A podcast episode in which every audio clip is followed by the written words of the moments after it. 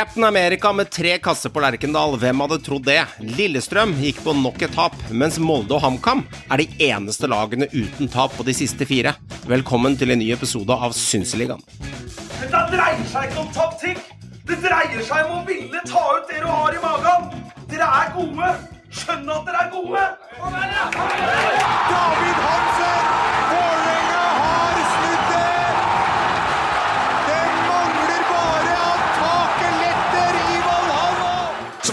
Feltet, Frode! Det er 4-1! 88-55 på tavla! Frode Johnsen har skåra tre!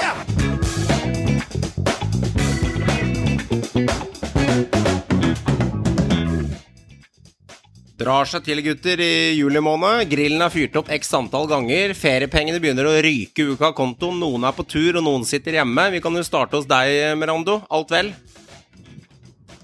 Bare bra. Siste dagene på jobb nå før ferie, så her er det bare å holde i. Holde i, holde i. Holde i. Og Joakim, du har tatt ferie? Jeg tok ferie i dag, faktisk. Ja. Så um, det var etterlengta. Jeg har gleda meg til den uh, akkurat nå, merker jeg. Jeg pleier ofte å ikke ha noe sånn stress før ferien, men akkurat nå så gleder jeg meg litt til å få en uh, ferie. Og Håvard, du har jo litt summelyd i bakkant her, som den observante lyttere sikkert har fått med deg. Men du er rett og slett på vei ned fra Norefjell og har eh, fyrt unna noen feriepengekroner og stiller opp på kort varsel her, selv om du er på ferie, egentlig? Ja, en liten eh, hva skal jeg si, dårlig beregna tur med tanke på podkast. Mm. Så, eh, men her bjuda vi på, så spiller vi inn i bilen på vei hjem fra Norefjell. Ja, Så der har vi vært i dag på, på tur med hele familien og innom svigermor på veien hjem. Og da, tar, da går tida, vet du. Ja, Så ja. da ble det dessverre ikke hjem i tide. Men da får vi spille inn i bilen, og så får vi beklage litt dårlig lyd når jeg prater. Ja, men det går bra. Det går bra. Du hørte deg veldig tydelig nå når du snakka høyt. Du kan jo mute litt ja. inne, innimellom slaga her, da, hvis vi lar de andre få Prøve på det. ti- 20 på det. sekunders taletid, ikke sant, så tar du deg litt av mute. Yes. Hos svigermor var maten god. Det er jo sånn greit oppfølgingsspørsmål før vi går videre her. Du, vet du hva? Det blei ble rett og slett pølser i brød og lompe og med potetmos. Mm. For å gjøre det enkelt for svigermor. Og når vi kom litt seint, så det, det smakte men det smakte bra. Skal ikke undervurdere wiener i brød og lompe med litt potetmos der. Klassiker, ja. Skal ikke, skal ikke kimse av pølser og potetmos. Det er, uh, det er klass, Det er klassiker. Håvard, hvem Ja. lager best mat? Svigermor eller mor? Nå sitter madammen ved siden av meg her. Hører han? Jeg tror faktisk jeg må si, jeg må si, jeg må si svigermor, faktisk helt ærlig. Oi! Fordi eh, mor. mor, er ikke voldsomt god til å lage mat. Nei, nei. Så jeg må si svigermor. Nei, nei, det er ikke så verst. Jeg er ikke så verst. Jeg har smakt noe av det hun har lagd. spist litt hos uh, mutter'n, du, Johan. Ja, er helt OK. Ja, ja, det, ja, ja. Det, det, det, det, det er bra. Men eh, er, det er tre eh, livelyttere i bilen mens vi kjører på den nå, har jeg forstått det riktig? Her sitter eh, to barn. Hun ene har allerede sovna på vei hjem. Og Mm. så er det madammen ved siden av her som sitter og er med på podkast i dag. Mm, riktig, riktig. Ja, men det er bra. Det er bra. Du, det, gutter, det skjer en god del. Overgangsvindu, der ruller av gårde med spillere inn og ut. Penger skal brukes, noen skal handle. Eh, noen taper fotballkamper på rekke og rad, mens andre de nekter å tape. Det er en god del å ta tak i, og jeg tenker vi allerede skal eh, starte å prate litt om Glimt, ja. De har vært, eh, Bodø-Glimt har egentlig Det har vært vanskelig å få tak på det laget der. For at eh, vi har jo snakket dem Det virker som hele Media-Norge har snakka dem litt ned, Joakim, i lang tid. Men plutselig nå står de med tre eh, seire på de siste fire, og plutselig er de med og danser igjen. Ja, men eh, altså, altså alle vet at Bodø-Glimt ikke er et dårlig fotballag. Uh, så det er jo det, det har jo vært eh, altså, Alle vet at de kommer til å være i øvre halvdel. Uh, de hadde ikke tenkt å Det er veldig få som trodde at de kom til å ende på en åttende-niendeplass i år, eh, selv om de hadde en litt trist start. Eh, så det overrasker jo ikke eh, at de har begynt å få farten. Men det er, ja, det er som du sier, da. Det, men det er, liksom, det er noe som liksom hanker litt grann også. Nå mot Sarpsborg også, så var det jo Sarpsborg som skårte først. Var det ikke det? Hvis jeg ikke husker helt feil. Det var det. Det var en tidlig skåring der av Skålevik. Men, men så viser de jo litt klasse etterpå, da. Eh, så det, det er jo bra. Men så har vi jo denne midtukekampen rett etterpå igjen. da, denne eh, oppfølgingskampen i Champions League hvor det, hvor det holder å gå virkelig på trynet. Så ja, de er ikke helt, altså de er ikke der de bør være. Men de viser jo nå at de er et topplag i Norge, da, og at de er med å regne uh, inn på Mm. Det er det ikke noe tvil om. Jeg må si at den Sarpsborg-seieren den er jo sterk når du, når du havner under tidlig 1-0 der og kommer tilbake og vinner 4-1. Det lukter jo litt sånn Glimt anno eh, fjoråret. Men, men det som er litt sånn eh, fare på ferde, at de er altså for eh, Jeg har lest litt om den kampen mot uh, Klaksvik borte. Der er de liksom det De har ikke sett et svakere Glimt-lag siden nesten de rykka ned. Da er man virkelig svake, liksom. Uh, ja, Mm. selvfølgelig flyreiser og sånne ting. Det ble jo, den kampen ble jo faktisk utsatt én dag pga. eh, problemer rett og slett med været. Eh, så de kom jo samme dag til Færøyene og spilte kampen. Og, og forberedelsene var ikke de beste, men altså, de møter jo et lag som kanskje ikke tilsvarer eh, ja, Obos, toppen av Obos, bunnen av Eliteserien. Det må være lov å si. For at det, det er færøysk fotball. Selv om det er den suverene seriemesteren fra Færøyene, så er det ikke noe stort lag. Men, men altså, du taper faktisk da 3-1, altså. Og, Mm. og, og, og faktisk fikk kjørt seg på slutten der. Og ett mål til der til Klagsvik, så hadde det blitt ekstraomganger. Uh, og, og straffa til Glimt sies også var veldig billig, faktisk. Det er mange at de var heldige med det straffesparket, da. Men altså, du er videre da, til neste runde. Det er på en måte det som betyr noe. Og jeg husker jo den reisa de hadde i fjor også. Så sleit de mot Pristina fra Kosovo, faktisk. Før den der eh, reisa de eh, begynte i Europa i fjor.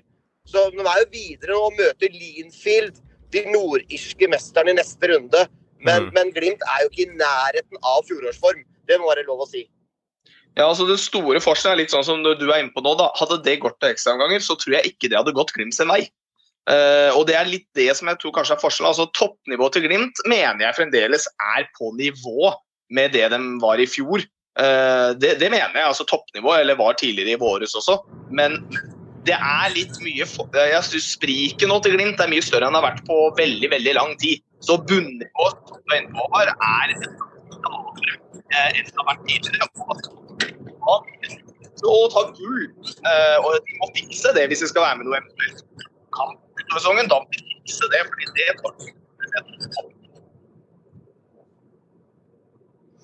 Nei, jeg er enig. eh, Og det bunnivået det Skal du ta medalje, så må det opp flere hakk. Og problemet deres nå også, da, det er jo det at de har fått en del skader på sentrale spillere. Ikke sant? Altså nå er det igjen, og det, det er sykt, det skjer, det skjer faktisk akkurat det samme som i fjor.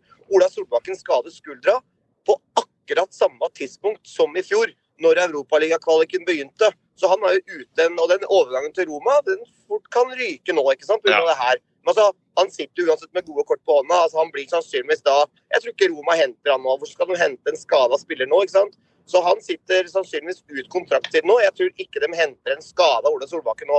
Han er ute i lang tid. Og så er det den der uvissheten da, med Pellegrino og nå Brede Mo, som har begynt å slite eh, med, med belastning, sannsynligvis. Eh, Pelle sliter jo med, med kroppen.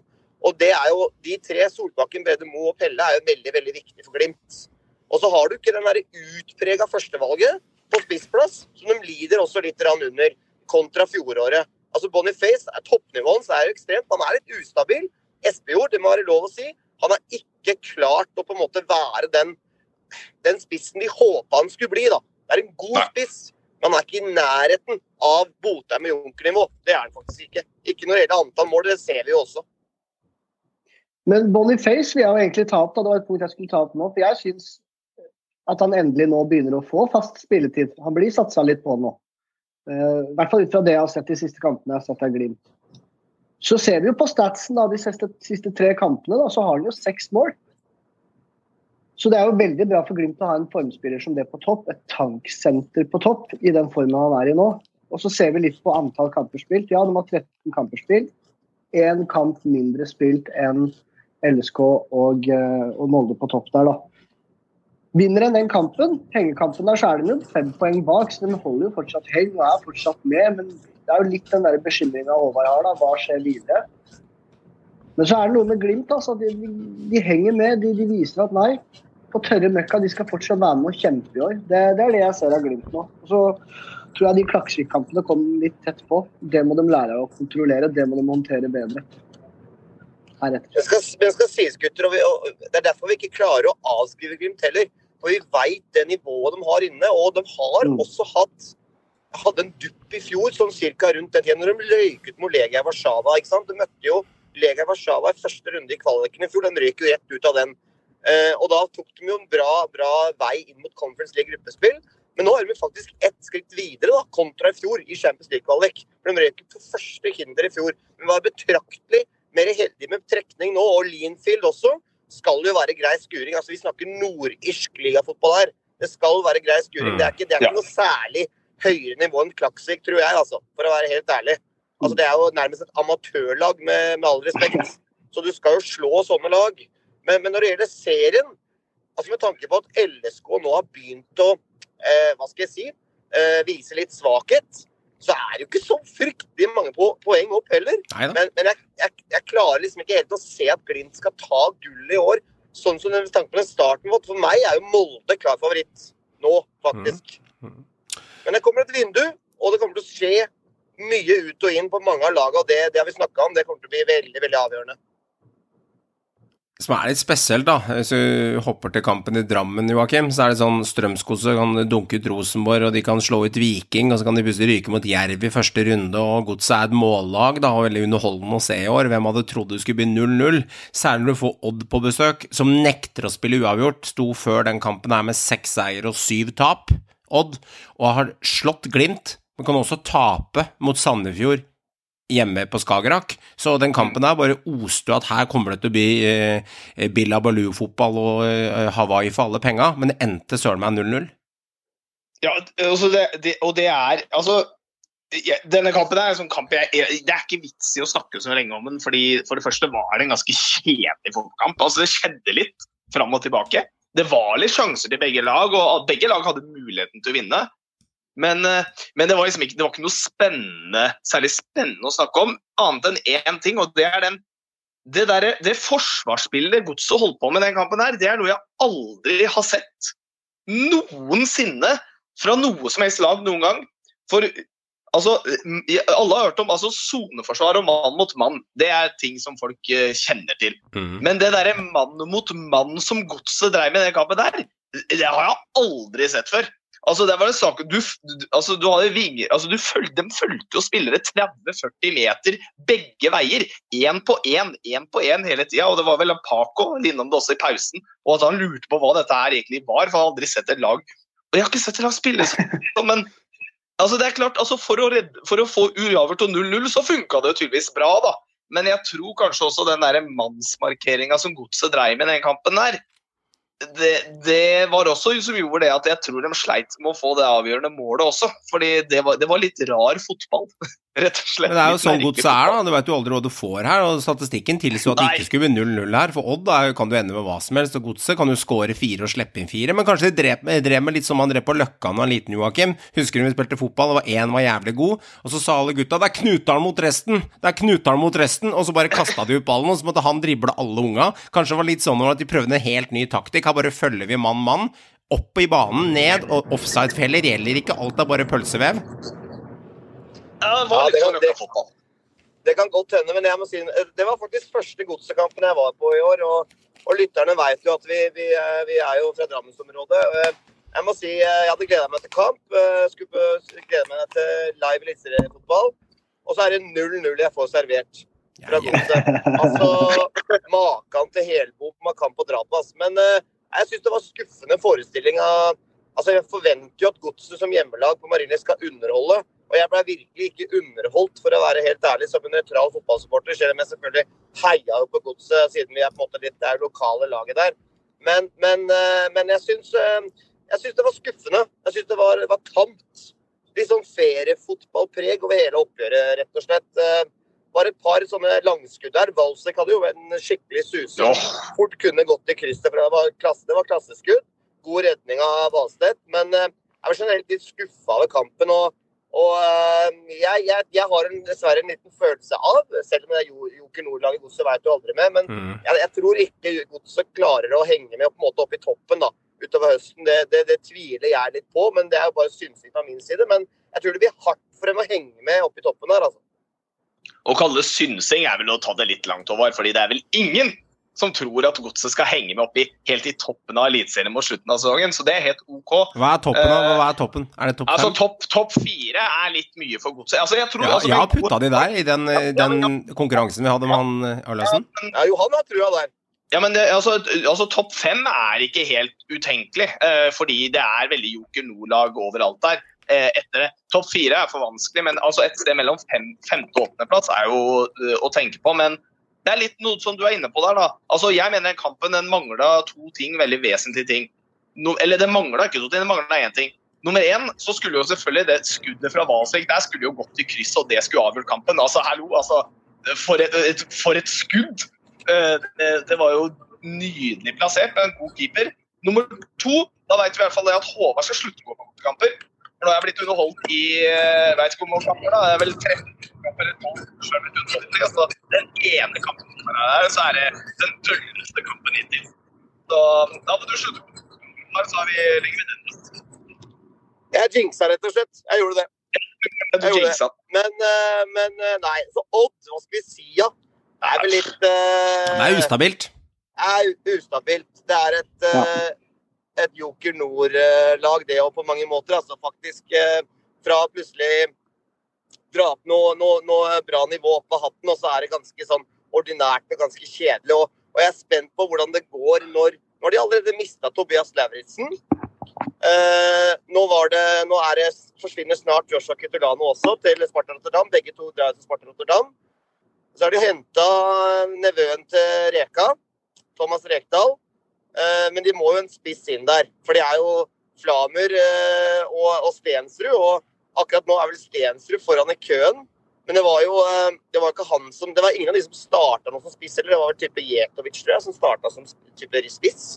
Mm. og, og du må ha en midtspiss i Odd. Du må ha noe offensivt. Du må sannsynligvis ha en kanskje en, enda en til på midten, muligens. For det er en short der.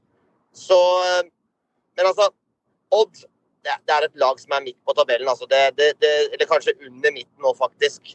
Så Mm, nei, jeg er ikke fryktelig imponert av det laget.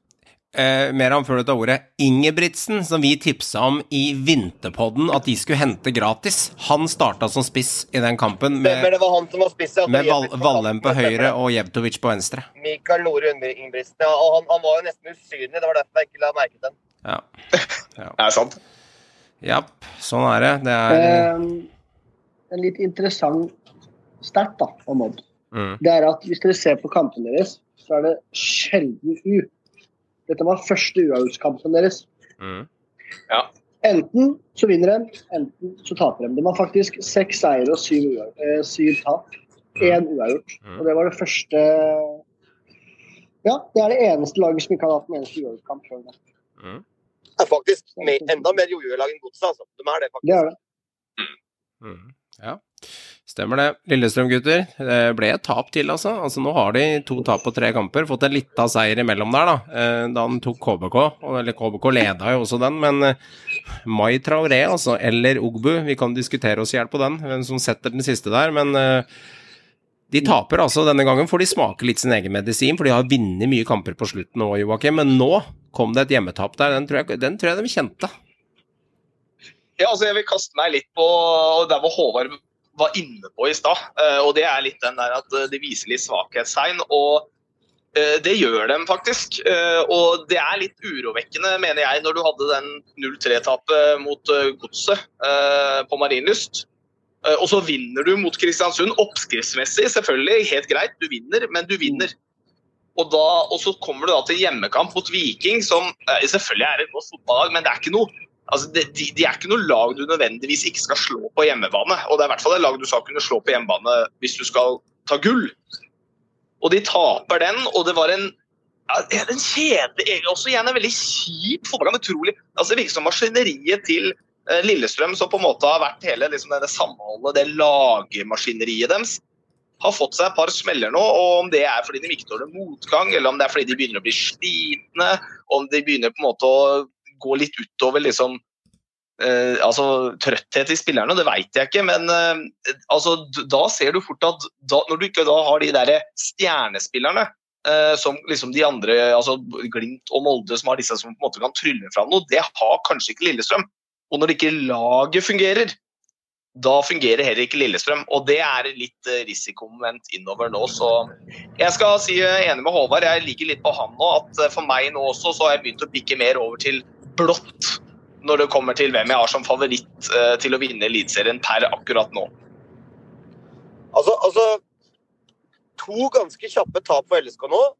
Og, Mm. og Molde er jo eh, De har vel likt nå på målforskjell, tror jeg, men de er forbi på målforskjell Molde.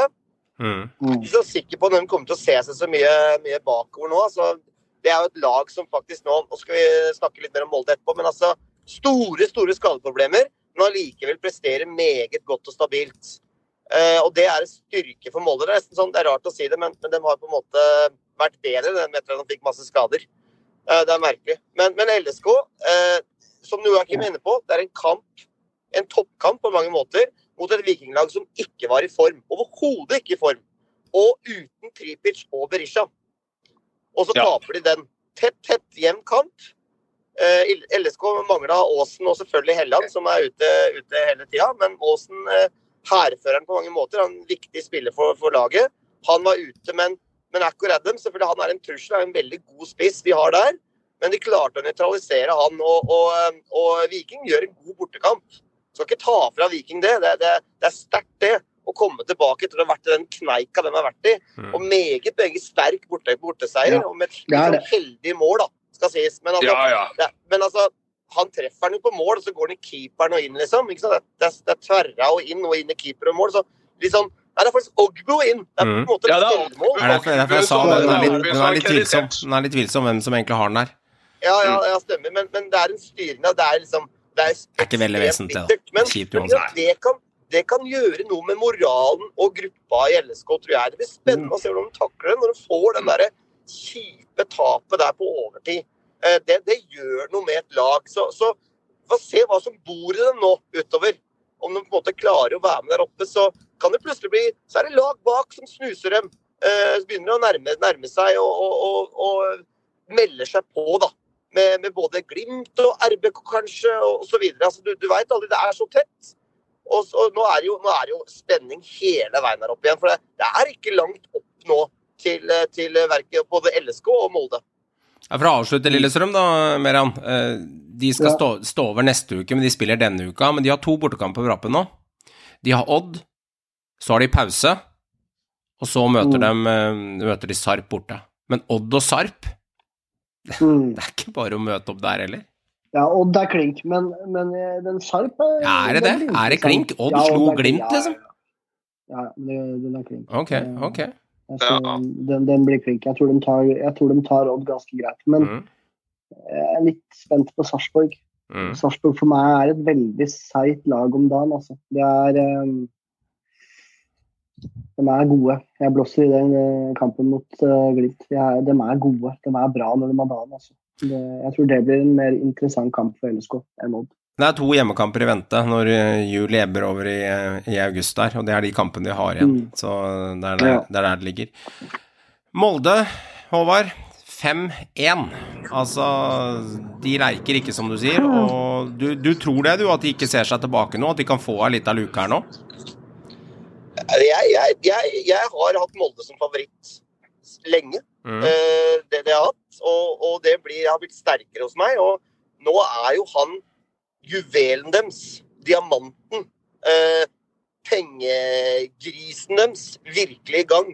For som de, som de sier nå, nesten uten å blunke kunne de solgt for faen og for 50 mill.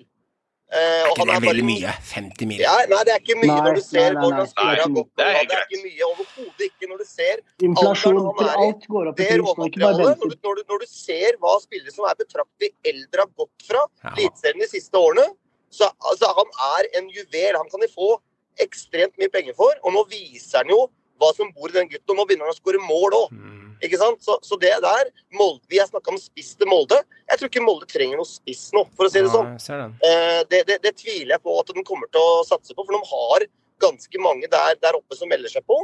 Og så er til og med uten Wolf Eikrem, som er maestroen, som har vært faktisk veldig veldig god for dem i år, og viktig. Ja. Han har ikke vært med noen kamper nå. Jeg er spent, spent på hvordan de kommer til å takle det. Men det har de vist ved bravur. Eh, ja, det var en liten uavgjort-kamp der imellom der mot, mot HamKam, men slår knallsterkt tilbake nå, da. Mot, mot Tromsø. Mm. Ja, men Det er litt vesentlig det du kom inn på, for det er det som gjør at jeg også mener at, at det at Molde ligger der de gjør nå, eh, er egentlig Jeg syns egentlig det er ikke pga. at Molde har vært så gode. Og det er der det går litt for, fordi poenget er at det er ikke én uavgjort kamp imellom. For de hadde også en uavgjort hjemme mot Jerv. Mm. Og det er Det stemmer. er at Molde har ikke vært gode de siste tre kampene de har spilt. De har avgitt Mot Tromsø var de gode, da. Ja da. mot Tromsø, men de har avgitt fire poeng de egentlig skulle hatt. Altså, Ja, De det hadde en hjemmekamp mot Jerv og en bortekamp mot HamKam. Eh, Det er ikke kamper som et medaljelag i utgangspunktet. Det er ingen som slår HamKam, da. Husk på det. Nei, det er greit. Det er jo uavgjort, og HamKam er jo gode på uavgjort, så det er ok. Men si at de to kampene her ikke endte i minst fire poeng, det er egentlig ganske dårlig eh, fra Molde sin side, i min metode. Og når de allikevel da klarer å spise inn det de ligger bak LSK, så er det jo ikke fordi Molde har vært så gode, men det er som jeg var inne på i stad. LSK har vært svake og, og har avgitt eh, poeng i kanskje en periode hvor LSK faktisk kunne ha heller dratt litt ytterligere ifra. Mm. Og når et lag ikke tar en sånn eh, Når de får en sånn mulighet, eller har hatt det, de fikk jo ikke det, men de har hatt en sånn mulighet og ikke klarte å ta den, da det er litt sånn der, som viser litt tegn til at du ikke er et gullag nødvendigvis akkurat nå. Men det kan selvfølgelig forandre seg, man veit ikke hvordan høsten går. Men eh, jeg er som sagt enig med Håvard, rett og slett fordi Molde har ikke vært gode, men de har likevel gått opp på tabellen. Og det har litt å si. Og nå er eh, det ryktes at eh, Brynildsen han er straks tilbake. Da får du en, en ekstra mann tilbake der òg, som viste veldig veldig god, eh, god, godt nivå før han ble skada. Og det er vel ikke lenge før, eh, før eh, Eikremmen er, er tilbake heller. Og til og med en gammel eh, ringrev som Erling Knutson spilte jo spiss og meldte seg på og skårte mot Tromsø. Så det er sånn der, en, en mann som plutselig kommer inn og gjør en kjempegod jobb. Men én spiller har jo skuffa litt for Molde, og det irriterer meg siden jeg hadde den på Fantasy. Det er Magnus Grødem. Mm. Han, han, han kan jo på en måte skylde på at de ikke klarte å slå HamKam, for han brente jo et par-tre alene mot keeper der. Faktisk, Magnus Grødem. Men altså, det viser igjen bredden til Molde, da, for å si det rett ut. Og nå, eh, men jeg tror liksom det viktigste punktet er faktisk Fofana. Og det nivået han viser nå som, som en spiss som er savna. Han er jo enorm. Altså, Ruben Enig. Jensen sa det jo veldig artig, artig etter kampen. Altså, hva, hva skjer med han der? Hvor har de funnet han hen? Det var umulig å stoppe han. Eh, og så god var han. Og, og han, han kommer bare til å bli bedre, tror jeg, utover høsten. Som konspirasjonsteoretikeren jeg er, så, så må jeg gå og være uenig med, med, med Håvard og Joakim. Jeg tror Molde får eh, et fall. Jeg tror de får et skikkelig fall. Ah, for de skal rullere? Er det eh, nøkkelen? Det er helt riktig. Fordi greia er at Mye av hovedårsaken til at de har henta opp det de lå bak, er for at de har vært på mange måter nødt til å spille med de samme over tid. For de har hatt så mange ute. Eh, det, hva skjer når de får alle tilbake? Hva skjer når du er nødt til å rullere igjen? Liker hva dette. skjer når du har da en 20-mannstropp og, og, du, må, og du, må, du har et luksusproblem? Jeg tror, så lenge da Utfordringa er at man må Fofana som er bare sinnssykt rå. Mm. Men si hvis han forsvinner i sommervinduet, hva skjer da? Hva gjør Molde i vinduet? De må jo sikkert handle igjen nå, da, for de må jo ha en spiss. Nok et luksusproblem hvis Fofana blir. Jeg tror Molde får et stort luksusproblem i forhold til å holde alle fornøyd. Og jeg tror ikke du får en rytme igjen, slik de har hatt en stund. Jeg tror Molde får et fall i høst. Enhver podmeran trenger en eh, kar som har litt sånne eh, konspirasjonsteorier om hva som foregår på andre sida av beltet. Altså, det er viktig, så jeg, jeg verdsetter deg som medlem her. For det er- viktig å ha en sånn litt gærning fra sida som alltid noen andre der ute som verdsetter det du, du sier òg, for du, du har noen poenger der. Vi har sett tidligere at uh, rotasjon i Molde har vært et problem. Ja, al jeg har alltid hatt rett vedrørende Molde. Ja, okay. Alltid rett. Er ikke sikker. jeg er enig i det. Det er farlig. ok. Det er farlig. Men, men når det gjelder Fofana, tror jeg ikke han blir solgt i sommer. Det, det, det, det tviler jeg sterkt på, for å være ærlig. For han har en lang kontrakt på. Det er nå han begynner å vise seg fram. Han blir i hvert fall ut sesong. Det er ingen, de kommer ikke til å slippe han i sommervinduet. Molde har ikke dårlig råd heller. De kommer til å hente inn flere. Jeg, jeg tror de har allerede bydd på David Wolfe, de har bydd på flere andre spillere. Det kommer flere inn. Jeg, jeg tviler på at Molde selger en spiller ut. Det må i tilfelle være Birk Risa, tror jeg. Det er den eneste som kommer til å gå ut. Og så kommer sannsynligvis snart Sheriff Sinjan tilbake osv. Da har de god bredde bak. Altså, han var jo klasse for. Han har ikke spilt med 90 år, Sheriff Sinjan. Så de har plutselig erstatter i bakhånd, ikke sant. Og de har god bredde, altså. Molde. Det er ekstrem bredde, faktisk. Eh, på, på nivå. Og for faen, han blir i hvert fall ut sesong. Det, det føler jeg meg veldig sikker på. Hvis én liter melk koster 30 kroner snart i inflasjonstida, og Wolfefø Brann koster 10-11, så kan jeg være eh, truende til å være med på at, at Fofana koster 50. Så eh, Nemlig. den er solgt. Jeg er enig. Jeg er enig, Altså, eh, norsk, nivået på norske spillere ut, altså, eh, spillere ut fra Eliteserien, da. Det har jo blitt dratt i været pga. Glimt, ikke sant, og Ja. så videre. Ikke, Så- ikke så glem den lite melka over. Den koster det nå, altså. Den begynner å Ja, Men ikke hvorfor takker. Brann nei til 11 mil for Molde? Ikke sant, det Hva- begynner å hva- bli- Hva skjer i Ja, Bergen? ja, det har vært en diskusjon. Ja. Molde-gutter skal ut mot uh, de andre laga må henge i. Fordi Molde tar imot Haugesund. På papiret tre poeng. Runden etter der så spiller de borte mot Sandefjord. Litt ekkel kamp. De har en dårlig historikk mot Sandefjord borte, men normalt skal det være i hvert fall ett eller tre poeng der. Så får de Godset på Aker. Da, ta, da taper de, da. Ja, da finner Godset på noe sprell. Men så skal, De, ha, så skal, de, ha, så skal de ha Kristiansund. Eh, Så vi snakker fram til august måned en fire ganske overkommelige kamper for Molde. Eh, Så de kan fort hente med seg tre seire og leve med et tap her, eller kanskje ta tolv av tolv. Så det er ikke usannsynlig at de fester, eh, fester sikkerhetsbeltene her, Håvard, og seiler av gårde. Nei, det, det er et overkommelig program, men ikke sant? du skal aldri si aldri i den Joker Nord-ligaen vår, selvfølgelig. Men, men Molde har jo vært ekstremt stabile, da. Eh, Er det, hvor mange kamper er det uten tap nå? Denne rekka er ganske lang, altså. Ja, det er ni. Ikke sant? Og det er med store skadeproblemer i tillegg. Mm. Så, men, Men- men når de skal ut i Europa, da Molde møter jo Elfsborg, eh, svenske laget. Det blir ikke noe match mot til. Elfsborg. Det hø- høres Jo, ut som Elfsborg eh, eh, et lag som er eh, Ja, det er ikke noe Det er jo et eh, middels svensk lag. Som, jeg mener jo at Molde er favoritter der. Ja. Så, så, så spørsmålet er jo hvordan takler Molde også, da, når de- skal spille en del kamper. Kanskje også når et gruppespill, ikke sant. Men de har stor tropp. Men den er tynnslig pga. skader. Men det, det er et spiller inn for disse lagene som skal ut i Europa nå. LSK, Molde, Viking skal ut. Og, og selvfølgelig Bodø-Glimt. Så, så uh, det europakjøret, hvordan de lagene takler det hvis de når, når langt, da, eventuelt gruppespill, det er, også, er avgjørende inn mot prestasjonen i, i ligaen, uh, ligaen hjemme. Men det er ganske sprøtt, fordi vi snakker da fra 17. juli til 31. juli. Det er ikke mange dagene. Vi snakker to uker der. Mm. Så skal Molde da spille fem kamper. Vi snakker 17., 21., 24., 28., 31. Jeg er veldig spent på å se hvordan de takler det, og jeg mener at her og nå at knekkebrødet vil allerede begynne å slå sprekker. Hmm. Men da er du, det som er poenget igjen, da, da er du faktisk eh, det, det som også kreves, da, er at du skal ha et lag som Glimt, som skal takle samme, eh, mye av samme skjøret samtidig. Og så er du faktisk avhengig av Nå har du da Lillestrøm, da, som har tapt terreng i en periode Molde har avgitt poeng, og nå skal jo Lillestrøm ut i to ganske vanskelige bortekamper til å ta tre poeng, i hvert fall. Så de er jo avhengig av også at Lillestrøm faktisk tar bankers og får seks poeng mot Odd og Sarpsborg, for at Molde nødvendigvis skal tape noe særlig poeng i, eller terreng i den eh, perioden.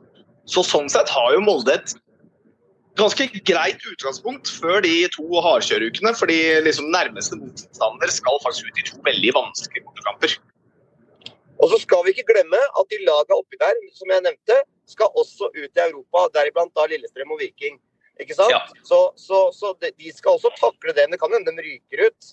Det kan jo godt hende. Men, men når de langt, da, så, så det er jo selvfølgelig det vi håper på. Det håper selvfølgelig de lagene også. Men det kommer til å bli merkbart på troppen og, og slitasje.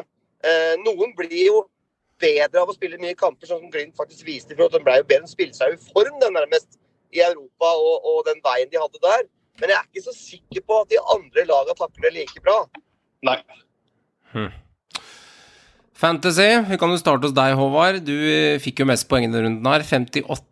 Men kjenner jeg deg rett, så er det et eller annet å klage og irritere seg over med det laget ditt. Så det er bare å legge hele sjela di på blokka og fortelle hva var gærent denne runden. Nei, altså øh, irriterer meg jo grenseløst at øh, jeg øh, ikke satte Fofana som kaptein. Ikke sant? Det er det jeg irriterer meg mest over, for å være helt ærlig. Og at nok en gang han partysvensken, Sola Luna Vecchia, Nei, ja, ja. han, øh, han spilte ikke. Mm. Uh, og det er andre gangen jeg drar han inn på laget, og så spiller han ikke. Og så Ole Sæter, som jeg dro som cap, han fikk jo hjernerystelse i løpet av kampen og så jo helt borte ut. Naturlig nok. Ah, ja. Det var rene David Nilsen utpå der med sånn sjanglebein. Så han, eh, han hadde ikke noe stor kamp. Han Mm. burde kanskje blitt nappa av med tanke på at han fikk seg den smellen, men jeg traff ikke, jeg traff ikke godt på Rosenborg-spillerne jeg plukka. Men selvfølgelig en helt OK runde i forhold til eh, Holdt jeg på å si dere. Men, men eh, Og jeg er jo oppe i, i ledelsen og Krog. Det skal jo være viktig å si. Og melde litt på at eh, jeg er oppe i teten nå. Ja da, ja da. Jeg ser det. Jeg ser du var av. Sæter fikk ikke sånn assist, da, som gjorde at det redda litt på moroa her. Jeg fikk faktisk en assist på den, det stemmer det. Finn en. Du har Haugen, da.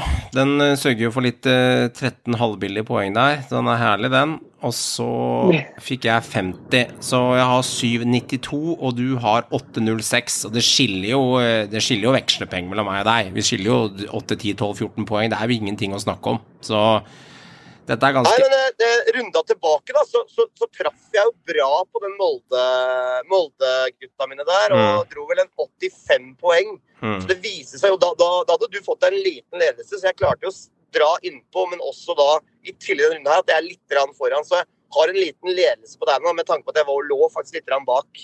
Jeg gjør en kjempetabbe. Jeg putter inn på Mollins, og så, og så starter han ikke engang. Eh, så jeg gjør en tabbe der. Han koster litt kroner, så jeg bommer veldig grovt på den.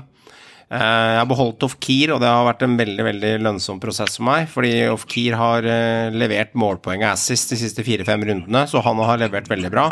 Og så har jeg han Saltnesen, eh, og det tror jeg kan lønne seg over tid, men han er dyr å eie. Så um, er dyr å eie. Så ja, det er greit fornøyd. Helt ok. Og det som skal sies nå, gutter, nå er det nærmer seg mulighet, for nytt wildcard. Og, og det er vel fra runde 15, hvis ikke jeg tar feil. Det er riktig. Og det eh, er det nok mange som vurderer å ta ganske tidlig, tror jeg. Og det blir jo viktig å treffe der, selvfølgelig. Men så er det det derre Det høres ut som en sånn ting vi gjentar, men fy fader så viktig det er å treffe på kaptein, altså. Det, det skal sies. Så, men, Jeg men burde også bruke wildcardet mitt nå. Keeperplass skal sies. At Nei, det du er får ikke Du får ikke brukt Det wildcardet ditt mer enn før runde 15-16, så du, du, du, du, du kan ikke styre med det nå. Ja, Og, og Øvre Tveit, da, for noen runder siden, traff jeg, dro jeg faktisk inn 18 poeng på. Og han er faktisk keeperen med mest poeng på hele spillet. Øystein Øvre blir fra Jerv, altså. Han blir jo skutt god, da. Altså, blir jo litt sånn jo, men altså, Ja, ja. det er jo, det er jo, det har vært en gullekeeper for meg. Disse Ja har faktisk dratt inn bra med poeng på han. Ja, det, Det er litt, Er billig, litt at man, man kan dra inn en del Han poeng. er billig, ja. Det er sånn 4,5 mann. Han er billig. Han er ikke noe dyr. Ja. For å være 100% ryddig, så ikke bli arrestert på det fra en eller annen eh, kløpper på Innlandet, så, eh, så er det wildcard mellom runde 2 og 15 og eh, wildcard mellom runde 16 og 30. Så du kan ikke bruke Ja, men- wildcardet før runde 16, for det er 100 nøyaktig. Jeg har ikke brukt mitt første wildcard ennå. Det faller vekk. Ja, da må du Det faller Da det vekk hvis ikke du bruker det. Du får ikke to wildcard, det er maks ett wildcard. Ja, det er det jeg spør om nå. Ja, da Kan blir du jeg brukere. Bruk. kan jeg bruke det det, nå i den Det- neste runde? Det kan du Eller i den runden her, og Ja. så får jeg nytt et om to runder? Ja, ja om, om tre-fire, ja. Å ja, OK, kult. Da skal jeg gjøre det nå. Bare, bare, Også- måten, bare måten du nevner det på, så skjønner folk at du ligger sist av oss fire. Det, det, det skjønner man. på Ligger jeg sist? Ja, du ligger, sist. ikke sant? At du ikke skjønner at du ligger sist engang sjøl, betyr jo også at du ligger sist, ikke sant? Det er eh, Leller Ja, Grende nå mer skal jeg sende en mail til meg sjøl. Du må sjekke tabellen Meran. Se åssen du ligger an. Ja. Du har Men det som er- 699 mer jeg må, si, jeg må si en liten shout-out nå, med negativ, eh, negativt forstand, holdt jeg på å si, mot rettighetshaver, som da sparer på kroner og mediedekning og legger ned Fantasy FK. Altså, vi har ikke halvspilt serie, og de legger ned eh, sin Fantasy FK-satsing. Før sesong la de ned Indre Bane-podkasten med Jokke Jønsson, Gunhild Tollnes og Asbjørn Myhre, og nå er det Eirik Fure. Jonas Berg Johnsen stakk til Viaplay. Eh, selvfølgelig, han vil ha seg en ny jobb, naturlig nok. Så fikk de inn en ny mann, Andreas Hopen, som skulle inn. Det var tre episoder, det. Så la de ned hele podkasten. Og det er tydelig nå at nå tømmer Discovery båten for vann.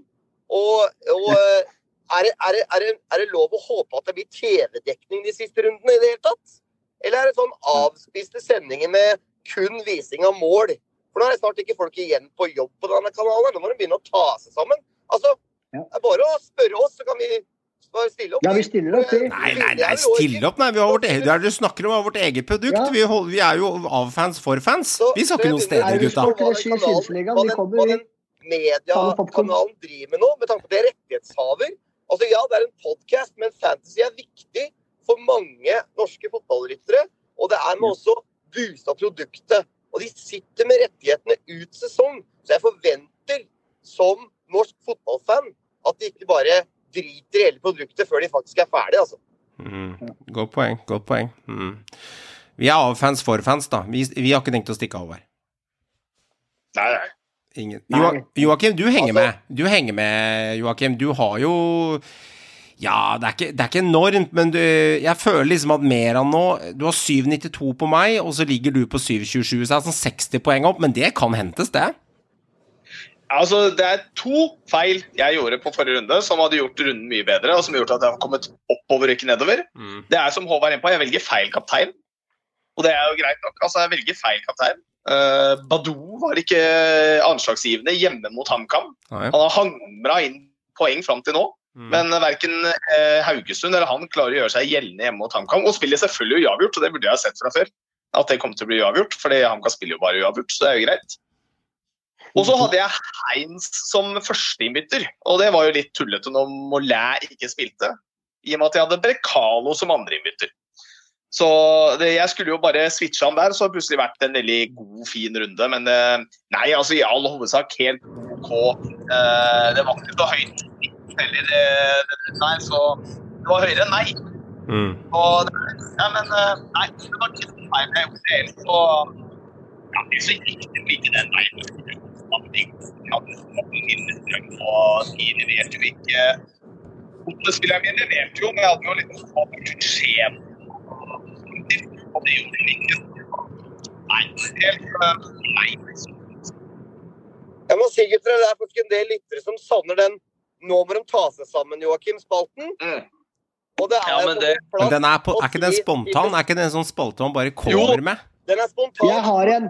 Men jeg mener at nå må vi komme med den. Og for min, min eh, lille innspill, det er Discovery og rettighetshaver. Med tanke på dekning. Ja, Av både podcaster og, og generelt. eh, Jeg har Lise Klavenes. OK? Ja. Fordi jeg, jeg elsker Lise Klavenes, men nå er jeg, nå er jeg sur. Okay. Fordi hun, hun, hun må ta seg sammen, rett og slett. Nei, det, det, det, det, ok, jeg, ikke for å avbryte. Det er veldig viktig her, som trialtalsk, som er lærer på Teaterhøgskolen i Bergen. Det, I mitt forrige liv, før jeg ble meg selv nå, så gikk jeg på denne skolen da, ikke sant. Det var i den gamle, gamle tiden eh, før Kristi tid. Det er viktig at du lever deg ordentlig inn i det, og da må du si at det, her er det en ting, dette må de bare slutte med. Det heter ikke okay, det, det, det, det Joakim døpte den til dette må, du, dette må vi bare slutte med. Dette må du bare slutte Ikke ta seg sammen, dette må du bare slutte med. Så du må legge den pent inn, Dette må du bare slutte med. Ja. Hører du det, Lise? Du må slutte å hele tida bruke all din tid og energi på å reise til Qatar. Qatar. Du må se hva som skjer på jobben din. Har du virkelig den riktige dommersjefen? Okay. Nei, oh, ja, okay. det har du ikke. Nei. Så Qatar-reisende, dette må du bare slutte med. Ja. Og rydde opp i egen hage først. Takk. Det var bra. Det, lik- det likte jeg med deg nå. Veldig fint. Jeg syns Lars Arne Nilsen kom med et godt poeng. Veldig godt poeng. Han godt mener poeng. at uh, NFF og norsk fotballfag skal ikke bruke en haug med millioner på VAR, men heller ryste opp i egen hage og dommerstanden først og fremst, og gi dem eh, god nok trening og eh, få komme seg på bedre nivå. For han mener at de kommer ikke til å takle Som han sier, det er de samme gutta som skal sitte i VAR-boksen. Det er de samme gutta som skal være på banen og dømme. Og han tror det blir mer rot og kål enn en bedring av produktet. Og det kan jeg for kanskje være enig i, det er et godt poeng. Så får vi Mm. se hvordan de takler det. For vi så Premier League, hvordan de sleit med VAR. Det var en parodi. Og jeg frykter at det kan bli nesten vondt verre neste sesong når VAR er på banen. Jeg har en liten setting til det, og det er noe jeg syns er litt spesielt. da. Altså Det jeg tenker på i, med de pengene som altså, vi faktisk har i NFF, håper jeg, i norsk toppidrett og den type ting. En ting som jeg har bitt meg merke til, som, er, som hele tida også brukes det brukes også som en unnskyldning fra Hauge eh, og dem, og det er den, den kommer hele tida. Dere må huske at dommerne våre eh, gjør dette som et deltidsarbeid, og de må jobbe ved siden av den type ting. Men da kommer jeg med en ting. hvorfor er det en deltidsarbeid? Ha- ha- ha- ha- Har ikke- har ikke NFF råd til å ansette tolv dommere på fulltid? Betaler dem en lønning som gjør at de kan jobbe med dommerstand, jobbe med fotballdømming på fulltid og bruke all tid og energi, åtte timer om dagen på jobb, i det? Fordi altså, det er ikke noe snakk om at altså, Du vet hvor nivået nivå, ligger på lønning og sånn på fotballspill i Norge. Det er ikke snakk om at en dommer i Norge skal tjene to millioner i året. Det er det ikke. De skal ikke det. De tjener ikke det. De, de kommer nok til å gi dem en grei lønn, gi dem en lønn som gjør at de kan jobbe med det. Men hvorfor i all verden er de ikke ansatt på fulltid? Altså Det syns, fatter jo egentlig ikke jeg at de ikke er. Eh, Og det er en enkel løsning for å øke kompetanse. Det vet jo alle som jobber i alle jobber. En heltidsansatt skal jo ha høyere kompetanse enn en som er deltidsansatt og må bruke fritiden sin på å lære det den skal gjøre. Så nummer én av det Norge bør gjøre, er at vi bør sette av penger eh, ansette si 10-12 beste dommerne i Norge på fulltid. Og det er det de skal jobbe med, ikke noe annet. De skal ikke være snekker på sida. det, det, det må de slutte med. De må slutte med å ha dommere på heltid. Nei, på deltid. og du må jobbe med heltid. Og enkelt er det.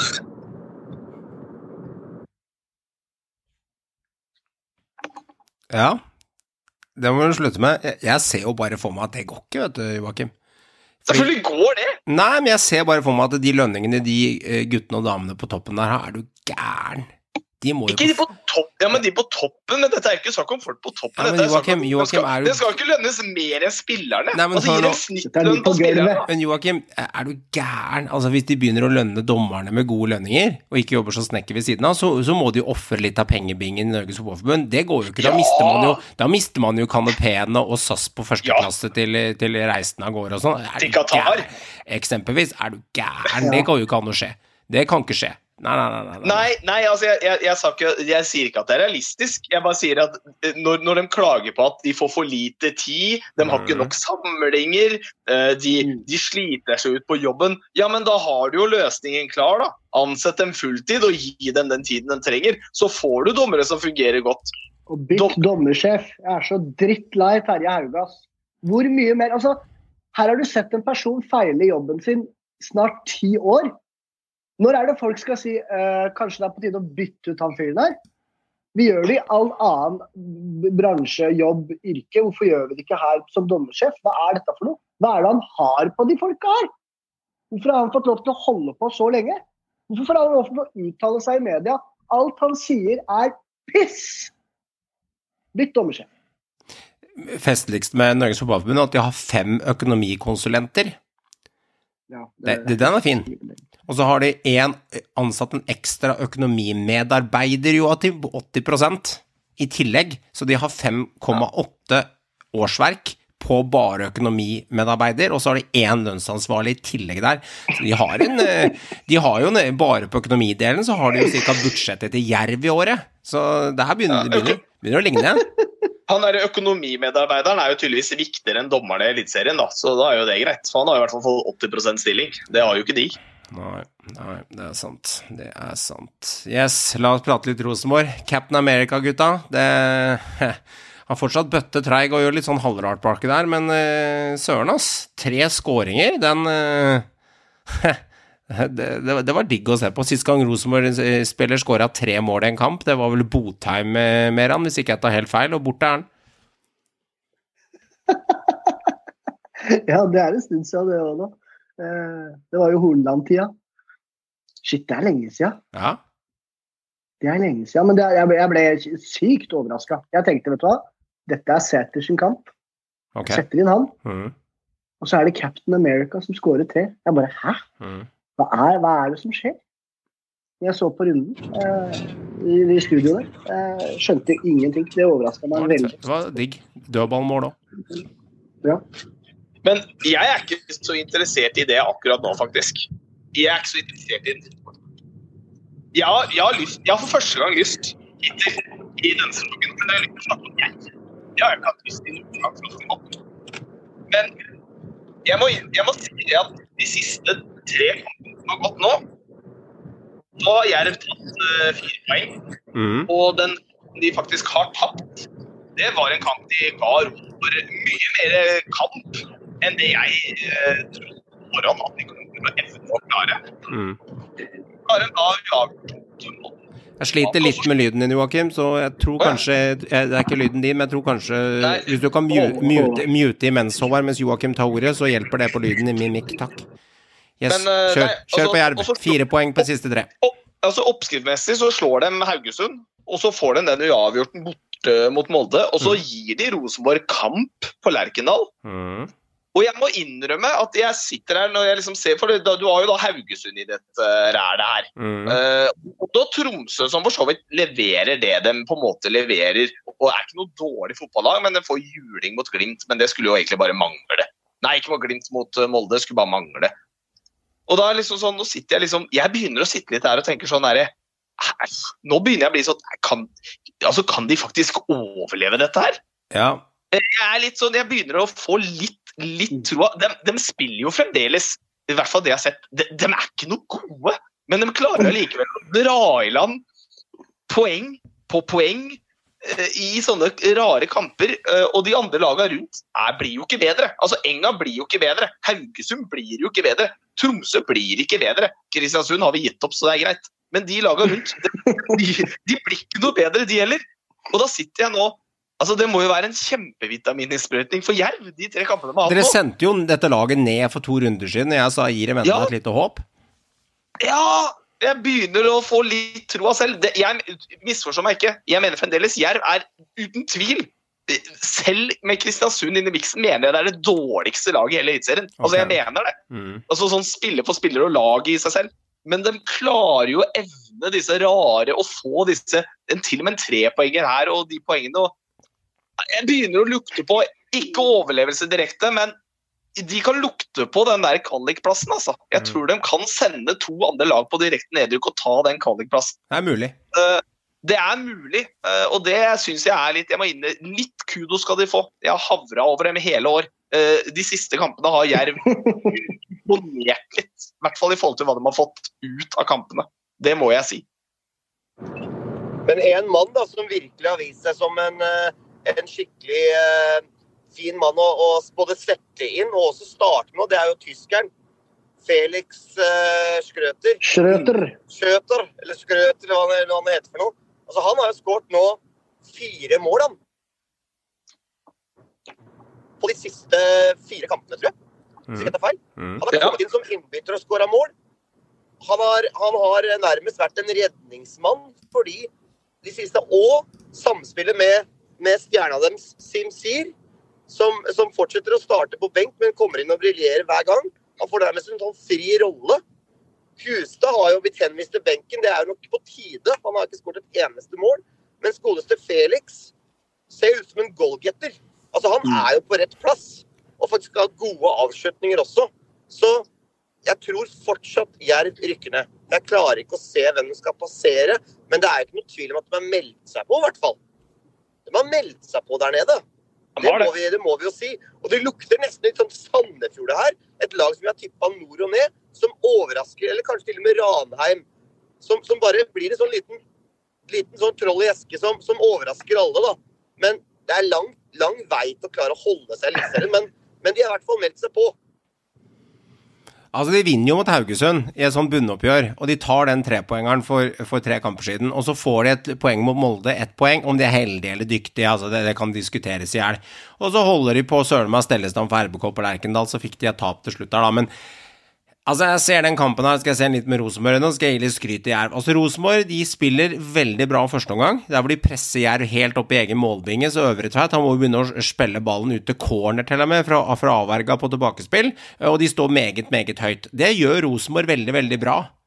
Og så tar eh, Schrøter der eh, ledelsen når Viktor Jensen er uheldig og sklir, og sender han rett i beina, og så kommer det en sånn deflekterskudd som går i ryggen på Bjørkeie der, og så går han i mål. Ok, tabbeskåring av Rosenborg.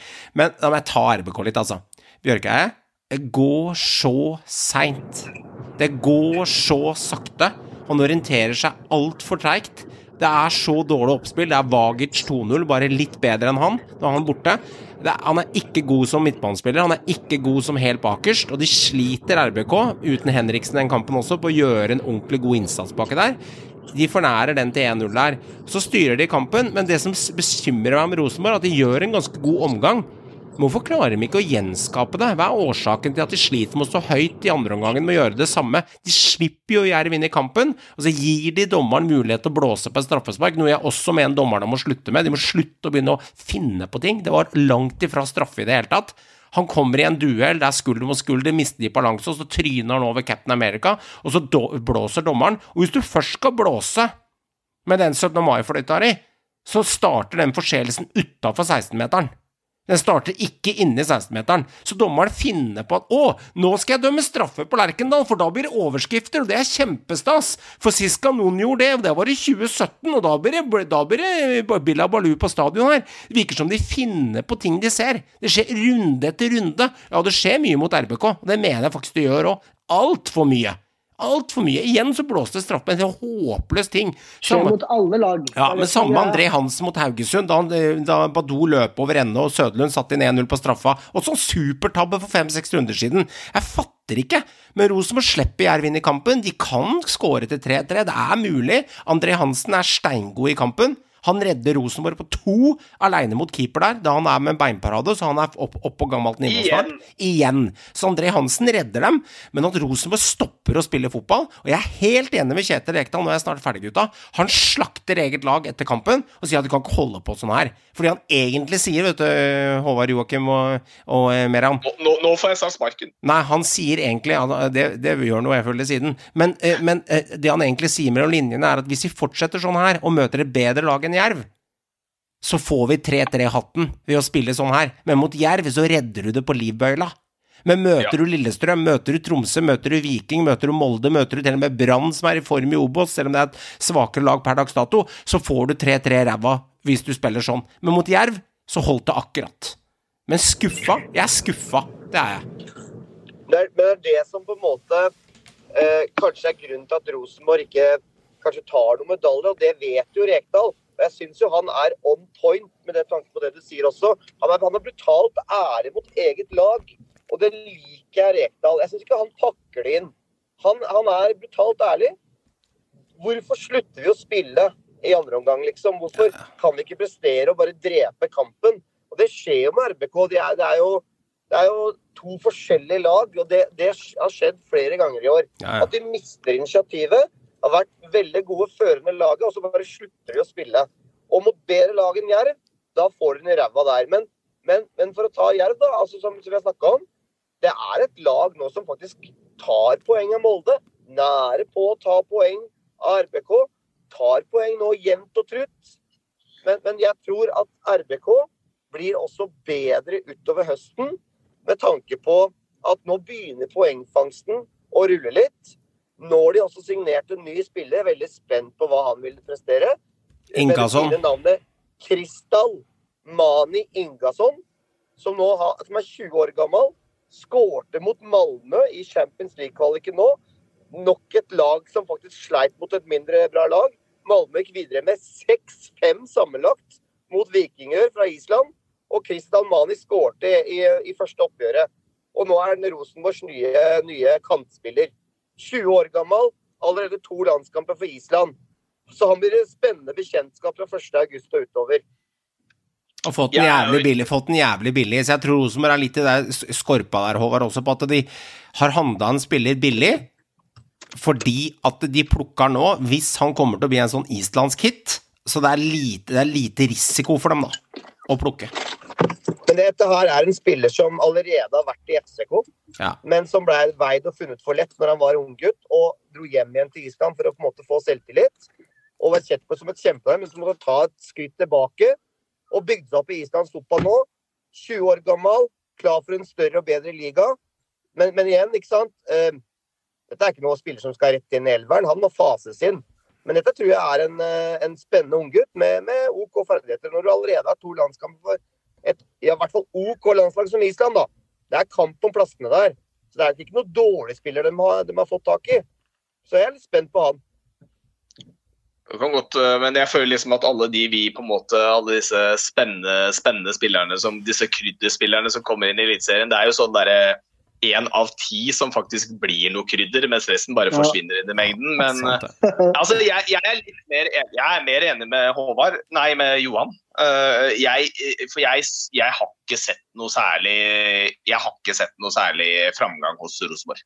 Uh, den kampen her viser det ganske tydelig også, syns jeg. Uh, jeg jeg, jeg, jeg, jeg syns ikke det Rosenborg-laget er bedre nå enn de var i mai. Eh, de har sine glimt, men det hadde de i mai òg. De hadde sine glimt. Men totalt over en fotballkamp. altså Det, ikke, det er ikke mer enn det. det. Dere har jo vært inne på det. Altså Over 90 minutter så evner ikke det laget å holde et tålelig høyt nivå. De klarer det ikke. Eh, så eh, jeg er ikke jeg, jeg, jeg, klarer ikke å se det. Eh, Jeg tror at også at Hareide egentlig er innforstått med det. At det blir, Hareide Rekdal, mener du?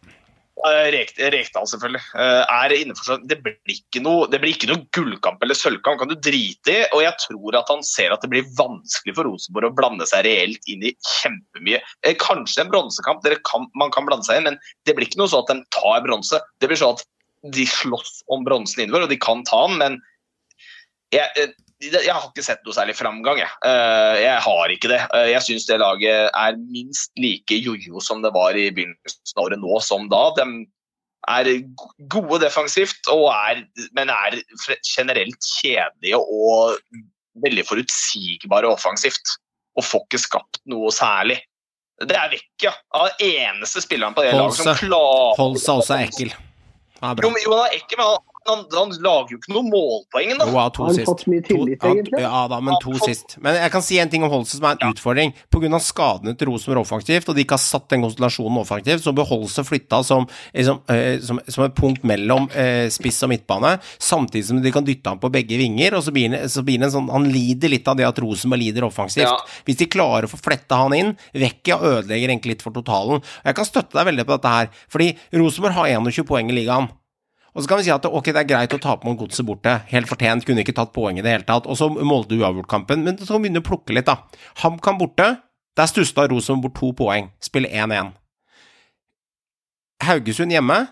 Den har de i sin hule hånd. Dommeren hjelper litt. Grann. Den burde de vunnet. Da har du to nye poeng. Da er vi oppe i fire poeng. Og legger vi til godvilje, så kunne de tatt Viking borte, for den styrte dem før Viking fikk den skåringa. Da har du surra bort seks poeng. Resten av tapa som kom mot Lillestrøm og sånn, er helt greit. Legger du til seks poeng på Rosenborg, vet vi det blir et jalla å regne sånn her, men det gjør det. Da er vi oppe i 27 poeng. Da hadde vi hatt heng på Molde. Det er forskjellen. At Molde Rosenborg klarer ikke å henge med her, for de spiller ikke to gode omganger, sånn som Molde og Lillestrøm og Viking har gjort til dels i år. De er ikke bedre. Og det som irriterer meg enda mer, før du får ordet, Håvard, det er at de slakta meg, de som sitter og hører på den poden her, for tre-fire uker siden og mente jeg var født under en jævla sko. Hvor mange har hørt fra seg nå når Rekdal egentlig er enig, men sier med en annen ordlyd etter Jerv-kampen? Ingen. Dere var stille som graven hele gjengen, for nå talte sjefen der oppe, og da var dere plutselig enig, og da satt alle og sa at jeg er helt enig, satt i alle andre RBK-podder og sa Rekdal er inne på et godt poeng, han er inne på et godt poeng at laget presterer ikke. Faen, jeg meldte det her i tidlig mai måned etter fire runder. Og nå, nå er dere enig. Yes, I said it like Chris Rock ville sagt, ass. Ordet er servert, ordet er ditt, Håvard.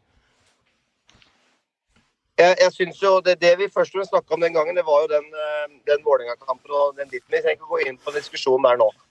Så jeg er ikke helt enig i resonnementet ditt, for å være helt ærlig. Men Det kan du være uenig det er lov. vinner jo i hvert fall flere kamp vinner jo i hvert fall flere kamper nå enn de gjorde. Det er jo ikke bare et uavgjort-lag eh, lenger. De, de, men de er, de er ikke gode nok til å ta verken gull eller sølv og kanskje heller ikke bronse. Men vi skal huske på hvor Rosenborg har vært de siste årene. Eh, og de er ikke merkbart bedre, men jeg tror de er litt bedre. Ergo, de kommer til å bli kanskje også enda et knepp opp utover høsten.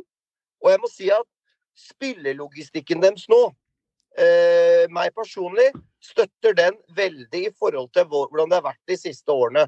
De henter nesten utelukkende ungt. Det det. Og det er litt sånn, litt sånn eh, tøysete ordet spennende, men det er mye talent.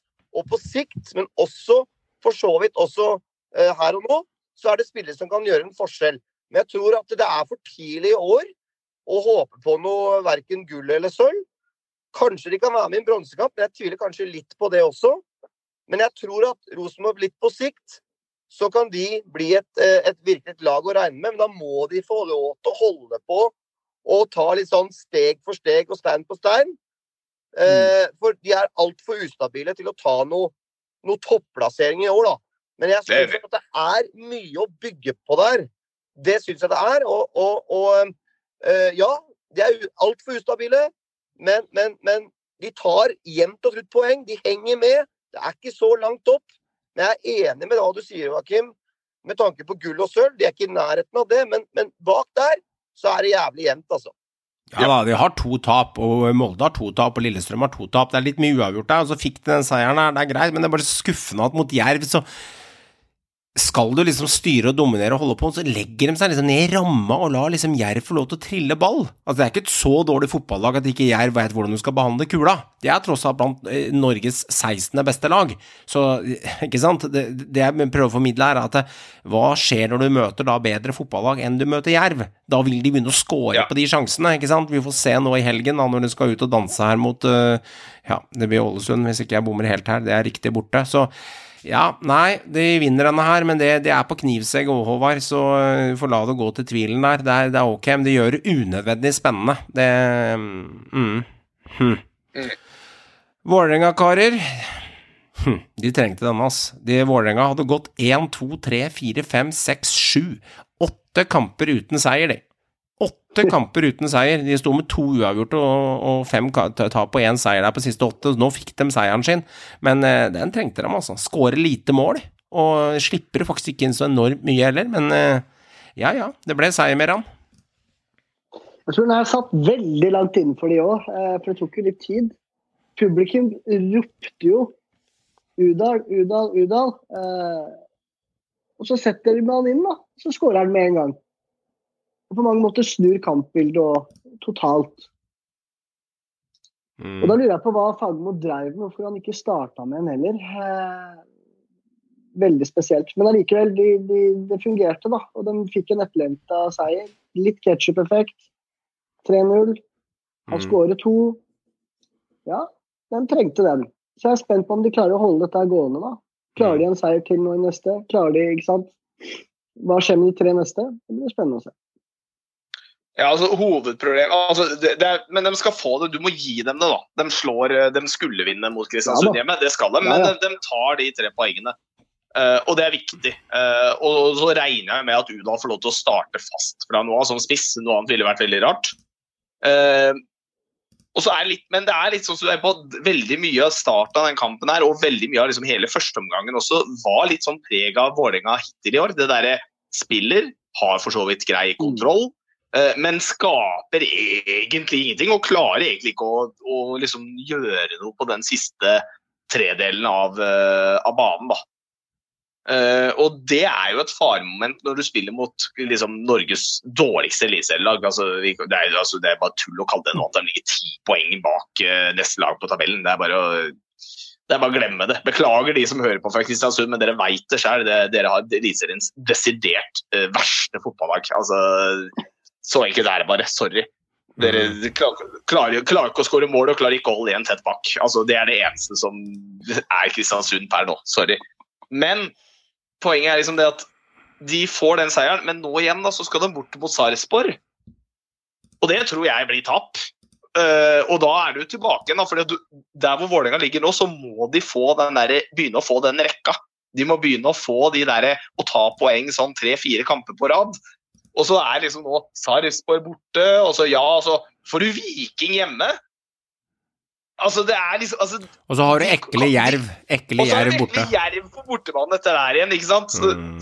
altså, det, altså, det lukter liksom ikke Jeg kan ikke lukte at Vålerenga skal plukke opp fire poeng en gang på de neste tre kampene, egentlig. Jeg, jeg klarer ikke å helt se at de skal få med seg Ja, det er maks fire poeng, da. Maks hvis de har Mm. For god uttelling, føler jeg. Men klart, de da- etter det har de Ålesund, og så har de vanskelige HamKam. Så det blir mange matchballer her, Joakim, for Vålerenga i de fire-fem neste, altså. Ja, og det er det, det er det jeg liksom sliter med å se med det laget. At jeg klarer ikke å se at Vålerenga skal klare å komme seg ut av den sumpa de neste fem kampene. Jeg tror det fremdeles kommer til å ligge Jeg tror ikke de kommer til å forverre seg, jeg tror ikke de kommer til å gå lenger ned. Men jeg klarer ikke å se at de skal ta mye mer enn en plass, eller kanskje to, da.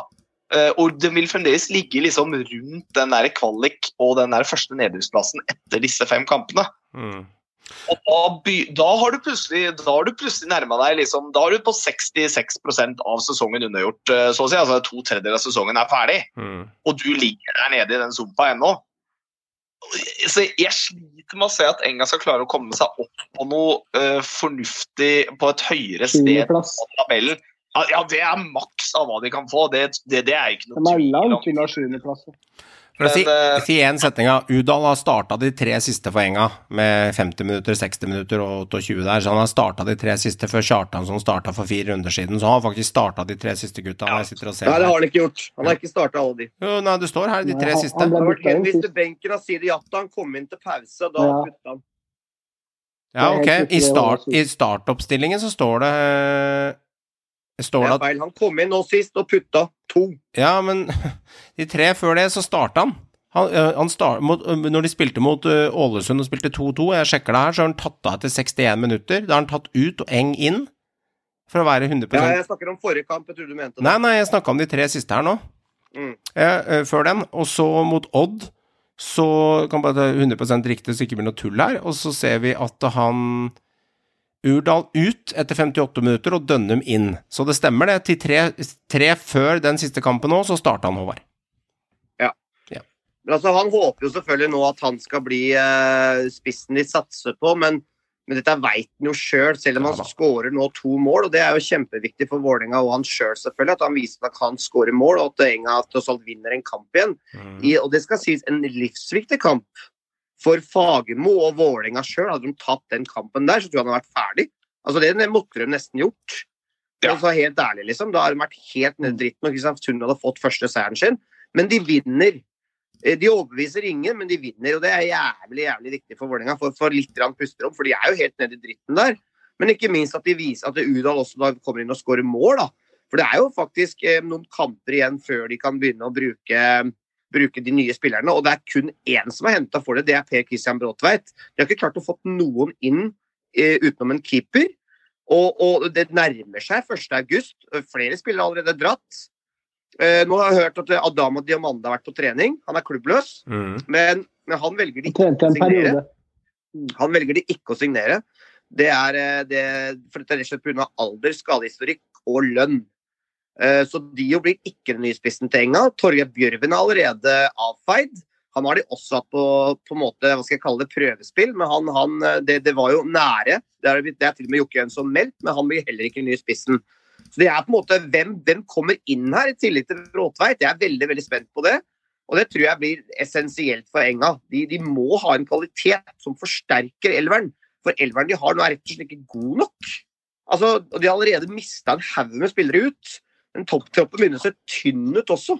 Så, så jeg er veldig veldig, veldig spent på hva Jokke Jønsson klarer å trylle inn eh, i sommervinduet her nå. Og, og, og, og jeg, som dere sier, det kan godt hende Enga kommer til å være nede i dritten faen meg nesten resten av sesongen. For de er ikke veldig gode. Men det var veldig veldig viktig for Vålerenga nå selvfølgelig å få den seieren. Og Da får du i hvert fall litt trua på det du driver med, da. selv om de møter jo da i Eliteseriens klart dårligste lag, og du skal jo slå de. Men der kommer en poenget, da. og det er litt sånn, De har dette navnet sitt. De har det, ja greit, men poenget er altså, De har navnet sitt, og de har råd til å betale grei, litt, i hvert fall OK lønn. Ganske uh, høyere lønn de fleste eliteserieklubbene kan bidra med. Men så kom poenget. Hva kan de hente fra, da? Altså, Se på hva de har levert de siste fire-fem sesongene. Uh, se hvor de ligger nå. Altså, Hva man kan forvente? Hvilken fotballspiller på tålelig høy, uh, høy uh, list vil gidde å spille for Vålerenga? Det er hele poenget. Uh, altså Ja, de har mye supportere, og det er mye god, men poenget er at dette er også supportere som hater deg uten like om du ikke leverer, da. Ja, men du har tre ting du nevnte her, da, som gjør at jeg kan være litt uenig med deg. Eller. Det, er altså, også det, er, er jo de, poengene, Ja. de tingene. Navn, penger, og de har en supportere. Altså, Ja, altså, og da har- blir det fire. Du har supportere, en god del lønn, og så har du navnet brandet, like Coca-Cola-brandet uten å sammenligne de. Kodak hadde også et brand på slutten av 80-tallet. Kong Ja. gikk dem, så sånn gikk det. Ja, og det så er har, de, så har de en ting til. Byen. Fordi det er en god del folk som, som vil faktisk flytte til hovedstad versus å flytte til Lillehammer eller Jerv eller Men uh, Johan, men Johan, du kan, du kan bo i byen og spille for Lillestrøm. Ja, du Du kan kan det. Du kan bo i byen og spille for eh, Men, da, men da er det store spørsmålet. Det er det store spørsmålet. Hvis du får 40% lavere lønn av å spille i Lillestrøm fordi krona må vris, og kanskje slåss om et seriegull, eller spille for Oslo, har eh, litt bedre eh, Spille i den største byen, mer lønn på bankkontoen så du kan unne deg båt på Hvaler, og spille for brandet, da er det kanskje fort gjort å gå til Enga foran Lillestrøm. Det kan skje med en spiller.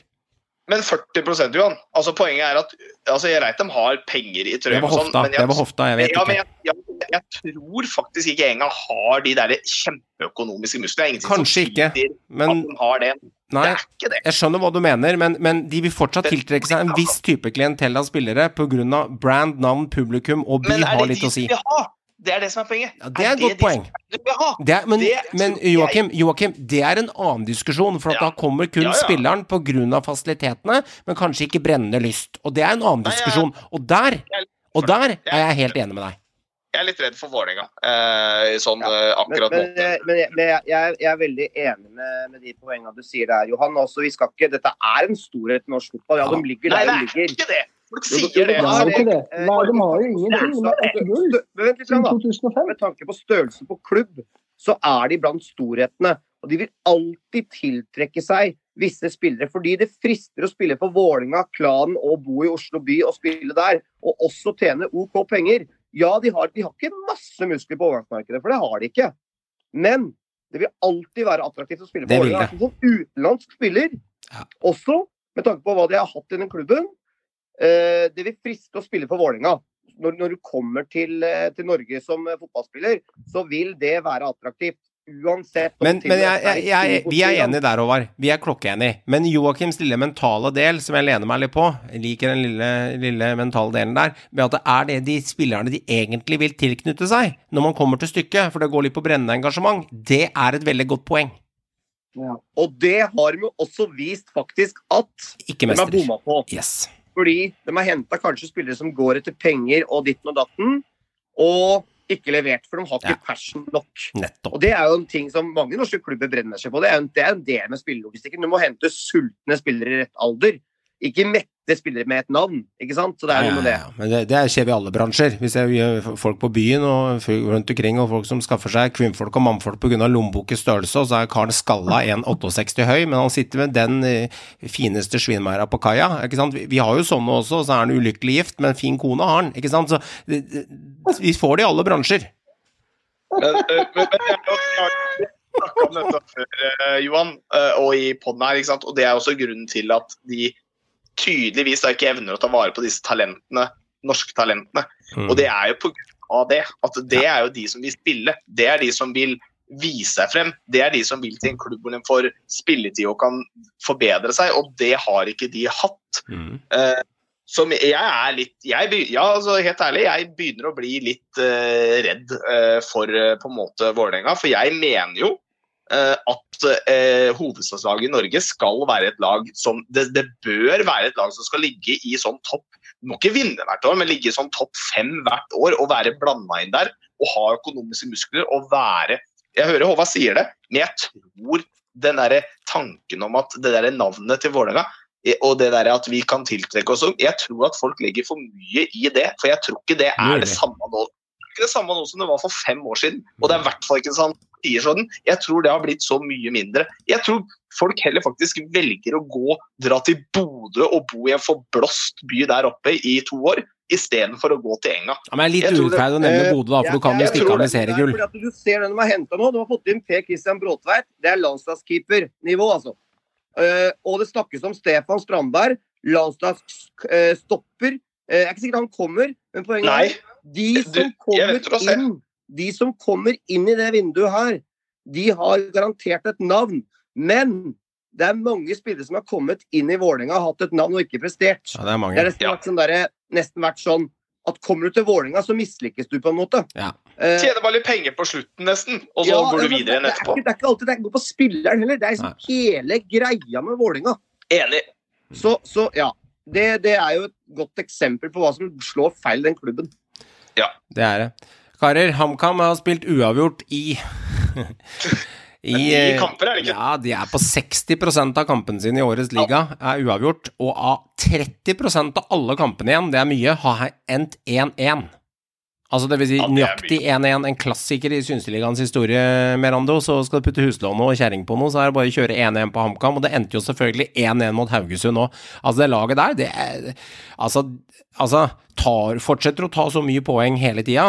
Og, og, og ikke avgi så mye. Klart det blir mye uavgjort, men du rykker jo ikke ned av det her, eh, Merando. Trenger lyd fra deg, takk. Samtidig så har de jo lite seier òg, da. Tre seire. Det blir ikke akkurat Det er 17 poeng altså, alt, da. Du. Ja, men du, samtidig du safer ikke eliteserieplassen. Du ligger på en tiendeplass. Ja, de har åtte uavgjort. Men samtidig, da. Tre seire er nesten færrest, hvis du tar bort Kristiansund og, og, og Tromsø der med to, da. Ja. Men så kan jeg kontre med Rando og si det eneste laget som Molde som ikke har tapt på de siste fire, og ett tap siste ti. Jo, for all del. Hvis du misforstår meg rett, jeg sier ikke det HamKam er ræva, jeg sier de er kjempebra og de kommer til å holde plassen. Men de må begynne å plukke trepoengene snart. For du kan ikke gå hele 30 runder med å bare Jeg er enig i det, men, Ja, ty plassen, men tydeligvis, Meran, så holder det i dagens liga når du ligger der, for de ligger jo på tiendeplass i ligaen. Og selvfølgelig, når de tapte Håvard, så måtte de tape mot kjedelige Odd. Man taper ikke mot Molde og Glimt, da taper man mot Odd. Men eh, Jakob Mikkelsen, treneren, fikk jo spørsmål om dette her av eh, Sondre Skansen, som på en måte Stoppen, Han stilte spørsmålet holder dette her.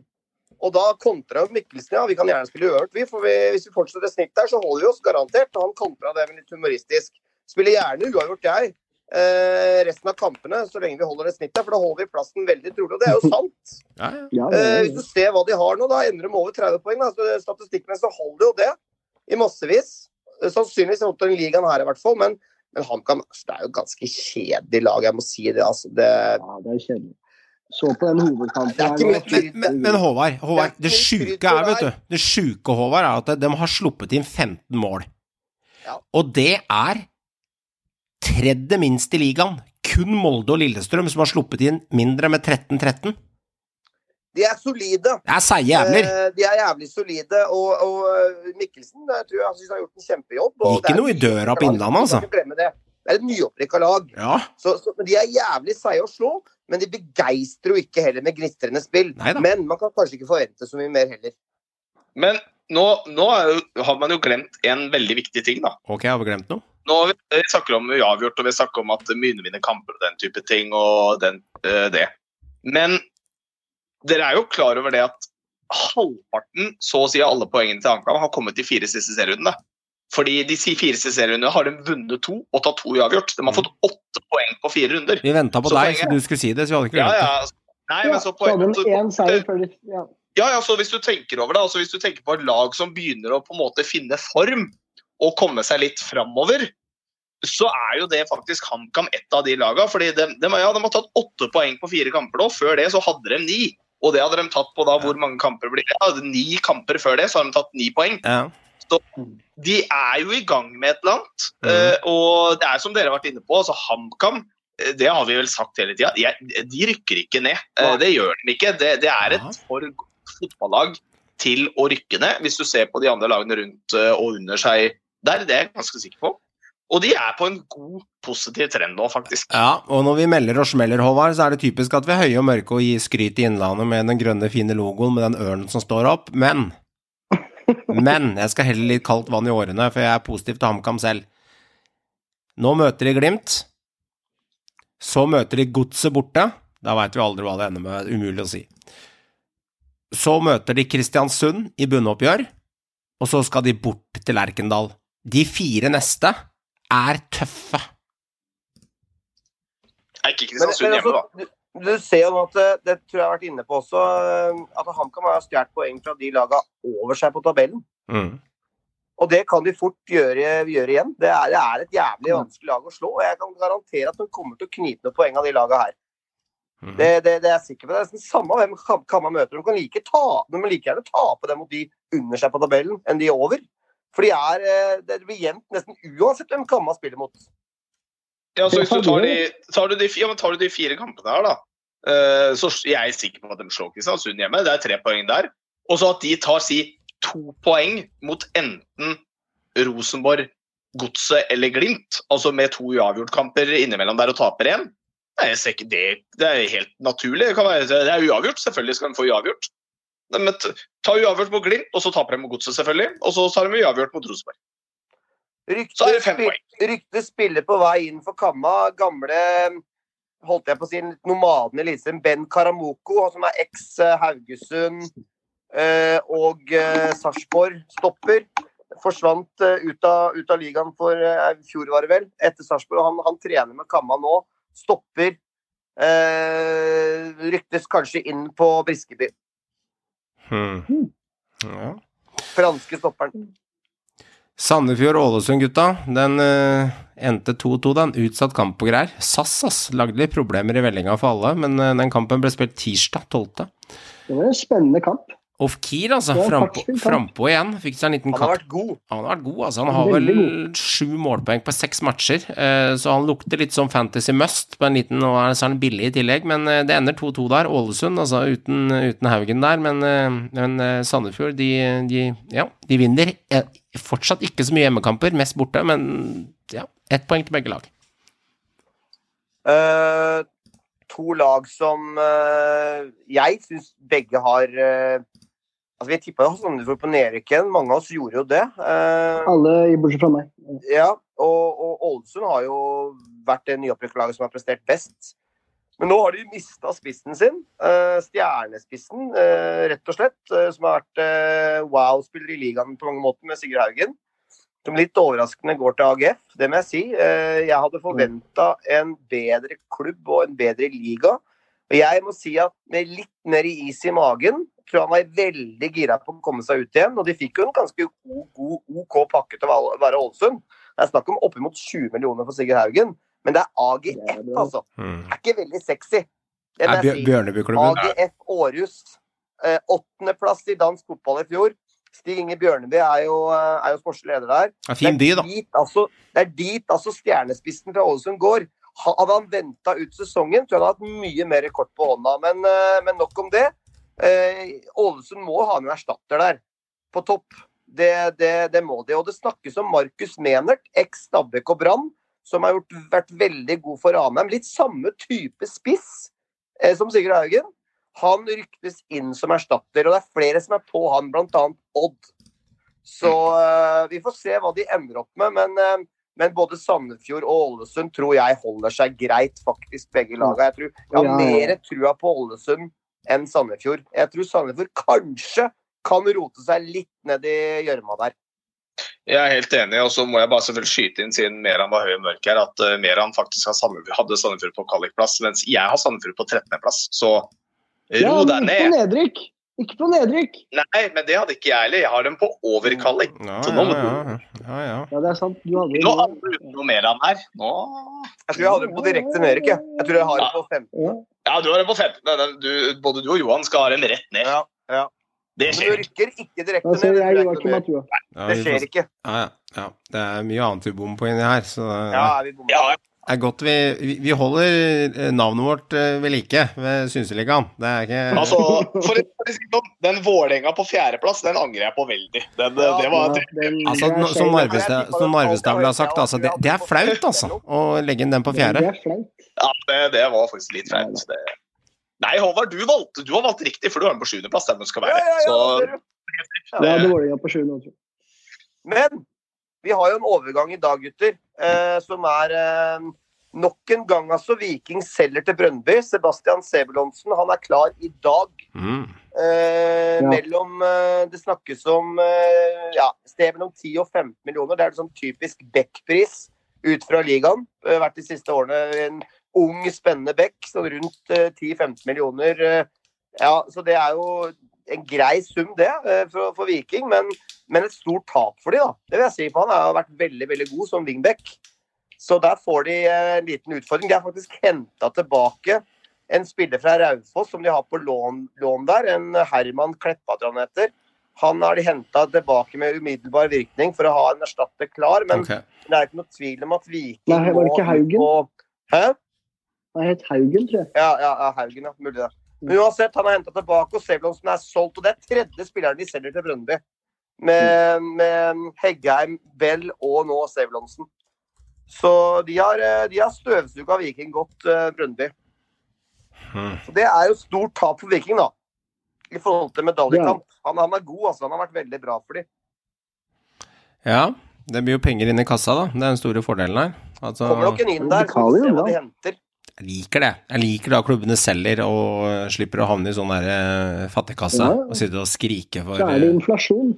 Få Ja. penger. inflasjon. Få god nok pris, det er viktig. Og det har mange klubber vært gode på det siste tida nå. Til å få, få godt betalt. Ja, ja. Ikke selge på billig, billig pris. Nei, det er bra det å selge 10-15 millioner der. Jeg bare lurer på om Brann er på vei til å rive av seg kølle og baller ved å kreve 10-15 for Wolfe. Altså, jeg skjønner at de kan få det til. Hva- hva Det- det driver er de med, liksom? er at eh, når du sett- Når du sett hva som har blitt henta fra Obos av de største talentene fra Obos-ligaen i den alderen de er i, og, og det er verdt faktisk oppimot en 10-15 millioner der, på, på både Sinjan og Mannsverk osv. Spillere som har blitt henta fra Obos. Og, og han spiller på det desidert beste laget i Obos. Han er et stort talent. Mm, Brann sitter med gode kort på hånda. mm. Det er ikke noe krise for Brann å beholde han ut sesong. for de sannsynligvis rykker de opp, og da kan vi få enda mer neste år. Så jeg skjønner Brann og Jimmy her, men selvfølgelig det høres jo nesten sjukt ut å si nei til et bud på 11 over mil 10 for en millioner for en Obos-bekk. Det høres jo sykt ut. Vi får se. Jeg husker jo sånne Eh, overganger fra de har jo 2000 til 2010, da folk sa herregud, de fikk 30 mill. i bud, men ingen solgte. Husker du den Ja, perioden der? Tiden har forandra seg litt med prisen òg. Det, det, det har det, altså. Ja, men det skjønner jeg. Det, det, det, Ja, men det er ikke alltid det virker som du skjønner det. jo, jeg, jeg, Herregud, ti millioner, det er liksom ingenting for noen klubber. Nå, jeg, skjønner, jeg skjønner det, at at det har forandra seg. Jeg, jeg skjønner at uh, Meran kaster ut inflasjon når jeg kødder med melka. Jeg, jeg forstår det her. Jeg har fulgt med såpass lenge at jeg forstår det. Er Men det i et marked så har du kjøper og selger, og det går en grense hvor langt du skal tyne den før kjøperen sier 'nå er det nok', og så ender det med at du må selge han for 4,5 om to år fordi du ikke har fått forlenga kontrakten Mm. hans, og da er det kanskje bedre å ta det beste budet. Der har jo Stabæk vært har Brann penger, egentlig? ikke De har jo noe cash og styr, og de fyller jo stadion sin om dagen, men Det aller viktigste for Brann nå det er å gå opp. Ja, det er jeg enig i, og det er et godt poeng. Men Håvard, du er enig i at de- er Vi kan være enig i én ting, da. Vi, vi, vi trenger ikke å ta eh, Jim, Jimmy sin jobb her nå. Vi kan være enige i at det er en diskusjon om det budet bør aksepteres eller ei. Det er vi enige om. Det er vi helt enige om. Og jeg Ja. sier at det, får du et bud på en mellom 12-15, og det er jo helt sinnssykt for en Obos-bekk, da er det selv, selv, selv. Men, Ja. men jeg skjønner også Brann og Jimmy litt her, fordi han er veldig ung. Han er veldig spennende, stor fart. Han er en veldig veldig spennende bekk, og typisk Molde-bekk å hente, Ja. egentlig. Det ser jo ut som det er Vedum på. Stortinget som har vært inne og justert prisene på eliteseriespilleren om dagen. For det er dyrt, gutta. Ja, det har blitt dyrt. Det har det. Og det er jo på en måte litt gøy òg, da. Med tanke på ut av landet også, da. Men, men innad i landet blir det også dyrere, vet du, gutter. Ja, det er sånn det blir. Det er, Det er ingen som skal selge spillere innad i landet, Enger. nei, det er for guds skyld. Er 100 mil snart, det. Ja. Åh, Gulbrandsen-gutta, han har vært litt av Lillestrøm-link der. Litt av Lillestrøm-link. Ja. Er det mulig? Det er hjem igjen, da. Det er kult. Ja, han er jo klubbløs nå. Godeste Fredrik Gulbrandsen er i fin alder. 29 år, trener nå med LSK. Er plutselig tre ringrever nå med Børven, Adama, Diamande og Gulbrandsen med klubbløse. Hmm. I Det er en jo alle... som alle- skri- ja. i en liga som skriker etter spisser. Og alle tre har jo, har jo vært, spilt og i hvert fall vist at de klarer å evne å skåre mål der tidligere. Hvem tar du, Joakim? Hvem, hvis vi skal ta, gå for én hver. Jeg tar Børven av de tre. Hvem tar du? Ja, jeg har lett tatt Børven. Altså, Jeg det er ikke noe tvil Gulbrandsen. Okay. Nei, det, det, Hvem var siste? Gulbrandsen Diamande. eller Børven, eller? Oi. Diamande er jo en nydelig fotballspiller. Ja, Altså, men spørsmålet er for gammel nå. Spørsmål er om det jeg hadde de er gått for 30 år og spilt i Qatar den siste tiden. Jo, men altså, herregud, da. Det, altså, det er ikke noe å tenke på. Det er ikke vits i å ta Gulbrandsen. Altså, du må se hva de har vist den siste tida. Da. Ja, det er akkurat det. Han har spilt i klart beste ja, hadde for det ja. klart beste laget, Joakim. Ja, ja, det er greit ute, ja. Men Ja, ikke i- ute, ja. ja, du må til valg. Ja, det er greit, men i Eliteserien, det er greit, det. Men, ja, altså, jeg, har- jeg sier ikke det er noe dårlig valg, men poenget er at altså. Børven er av de tre som jeg kan se, den som garantert sikrer deg ti mål i sesongen. Han er sleip, altså. Nei, faen meg så sleip. for Odd. Det er det jeg tenker på. Han ja, Diomande, for han, Diomande får en strekk og en skade, og det er mye styr. Ja, ja. Det ender Han sånn. har vært mye skada, og dessverre. Han Ja. eh, skal slite litt med å få seg klubb i Lillestrøm, tror jeg. Altså, med tanke på lønna hans. Meran, hvem Ja, går det for av de tre, Meran? Ordet er ditt på det siste der. Nei, jeg også hadde gått for Gulbrandsen. Ok, da er det to at, Gulbrandsen og to Børven. Ok, ok. Da Spilt i en av toppklubba i Tyrkia og skåret jevnt og trutt og 29 Jo, men. Jeg tar Børven, jeg, altså. Altså, Hvis Molde skal hente, så hadde jeg sagt Gulbrandsen. Hvis Glimt skal hente, Gulbrandsen. Hvis Odd eller Ålesund skal hente, Børven. Ferdig. Ja, da, den, den kjøper jeg. Men han Ja, Men med Børven, vet du, så veit du at han, han Børven er så sleip inne i feltet der. Han Gulbrandsen er litt i tvil om. Altså, nei, jeg går for Børven. Men gutta, eh, Napoli, det, det, det er litt sånn lyseblå, kul overgang. Øst, Østegård her, den, den den er fet. Den er, den, den, er, den er litt stingy, den italienske overgangen der. Riktignok ikke helt spikra, men, Ja. men eh, Østegård er veldig veldig trolig på vei til, til Napoli, som rett og slett en erstatter kanskje for Kolibali, som er på vei til Chelsea.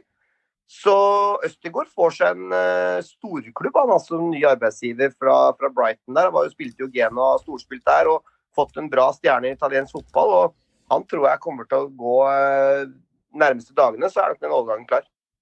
Ja, altså Det er vel eh, i henhold til en del som vet uh, i England, altså de som snakker om overgangen fra England, så er den avtalen uh, relativt spikra og safe. Altså Brighton veit at den går dit, og han skal gå dit. Altså det er, nesten, det er nesten der, etter hva jeg har hørt. Mm. Så den er eh, Jeg tror det er eh, temmelig sikkert at det kommer til å skje veldig fort. Det som var casen, at det var, det var krangel om pris, for Torino fikk akseptert bud veldig tidlig. Eh, andre italienske Ja. klubben der. Eh, men, men han ville ikke dit selv. Han ville til Napoli. Og så har det vært Det krangel med, med klubbene om pris, da, men nå er de sannsynligvis enige. Men en som er klar, gutter, det er jo Christian Thorsvedt for Sassulo. Og blir lagkamerat med Emil Konradsen Seid, som for øvrig skårte hat trick i treningskampen nå for eh, nevnte Sassulo. Mm. Emil Konradsen. Mm. Så Det er litt artig, men det er plutselig to nordmenn der også i Italia. Mm. 100 millioner for Thorsvedt. Ganske voksen sum Ja, for det er også, voksen faktisk. Ja, Eh, snakk om inflasjon, eh, da. Herregud. Det 100 problemet, altså. ja, men problemet nå vet du, er at folk sier som ah, 100 mil voksensum, og så blir jeg altså, Braut har jo ødelagt alt, for det er ingen som er i nærheten av likevel. Så altså, det er sånn som den dyreste norske spiller Å, 120! Det er det er småpenger, da. Altså, jeg, Braut tjener jo det på et halvt Men- år. Men det er også tenke på Thorsvedt går for 100 millioner. Ja, ja, det liksom. er, Ja, det er kjempe... Jeg syns det er Men voksent. eh, ja, det er rått. Det er kult. Nok en er. Serie A. Og det snakkes også om at faktisk Morten Thorsby skal bytte klubb innad i italiensk serie, serie A. Ja. Og han er også kanskje på vei til Salernitana, den nesten norske klubben nå. Men både Bohin Hvor mange har den nå? Er det fem, eller? Fem? Blir det fem? Fem nordmenn, ja. Det er jo sjukt. Med den pizzafesten mer, da, når du skal, ha- når de skal ha selskap? Godt uh, lunsjforslag fra, fra Salernitana, men, men han er nok kanskje litt i tvil selv om han skal gå for Sampdoria, der han har en høy stjerne. Da. Men, Ja. men Salernitana er veldig på Thorsby, og det snakkes om da Bohinen Thorsby på sentral midt. da. Men har de, jeg lurer på det, nede i den byen der, har de sånn, eh, sånn, sånn stempelkort som du har på Peppes hvis du bestiller pizza? Altså Hvis alle bestiller pizza likt, så får du fire-fem sånne ja, Har de det? Jeg bare, for det kan bli ganske sånn Ja. tre nordmenn fra før, så får du en ekstra. Er det den du Ja, litt sånn hvis alle bestiller pizza. nei, nei, Hvis det er nei, nei, Jo, jo, jo. nei, de nei, det stemmer. Italienerne gikk noe nå i døra. De får pizza. Ja. Jo. Restauranten får billetter, de får pizza. Ah, Men det som overrasker meg, er hvorfor han har de korta der å spille Men vi trodde litt, det er jo ikke fem i Salernitana, det blir jo fire da hvis eh, Ja. ja, men de henter en til, vet du. De henter en han til. Ja, ja, henter en til, ikke han, har ikke han bedre kort, Håvard? Har ikke han bedre kort enn der? Han er jo dritgod. Ja, jeg var jeg var litt sånn uh, overraska at han liksom linkes til Salernitana, men kanskje det er den norske Han er bedre enn det. Han har lyst til å ha noen landsmenn på laget. Hvem der, Kanskje han er lei av Askildsen mer? At Askildsen er kjip type. Han har lyst til å snakke med Botheim med henge med han. Ja, Aske, Askildsen er sånn som ser nyhetene og legger seg sånn som Carl Petter Løken. Botheim, det er andre boller. Men så er det jo også, altså, poenget er at hvis du har lyst til å spille i Italia, så har du jo ikke bedre kort. For altså, det skal litt til. og vi vet, Det er jo går rykter iblant om altså, Plutselig kommer det en til Roma. og det er klart Napoli er jo et uh, storlag, men det skal jo litt til å slippe gjennom i sånn topp seks i, Ja. eller topp sju-lag i e- enhver av de liksom fem-seks største uh, ligaene i Europa, så skal det litt til.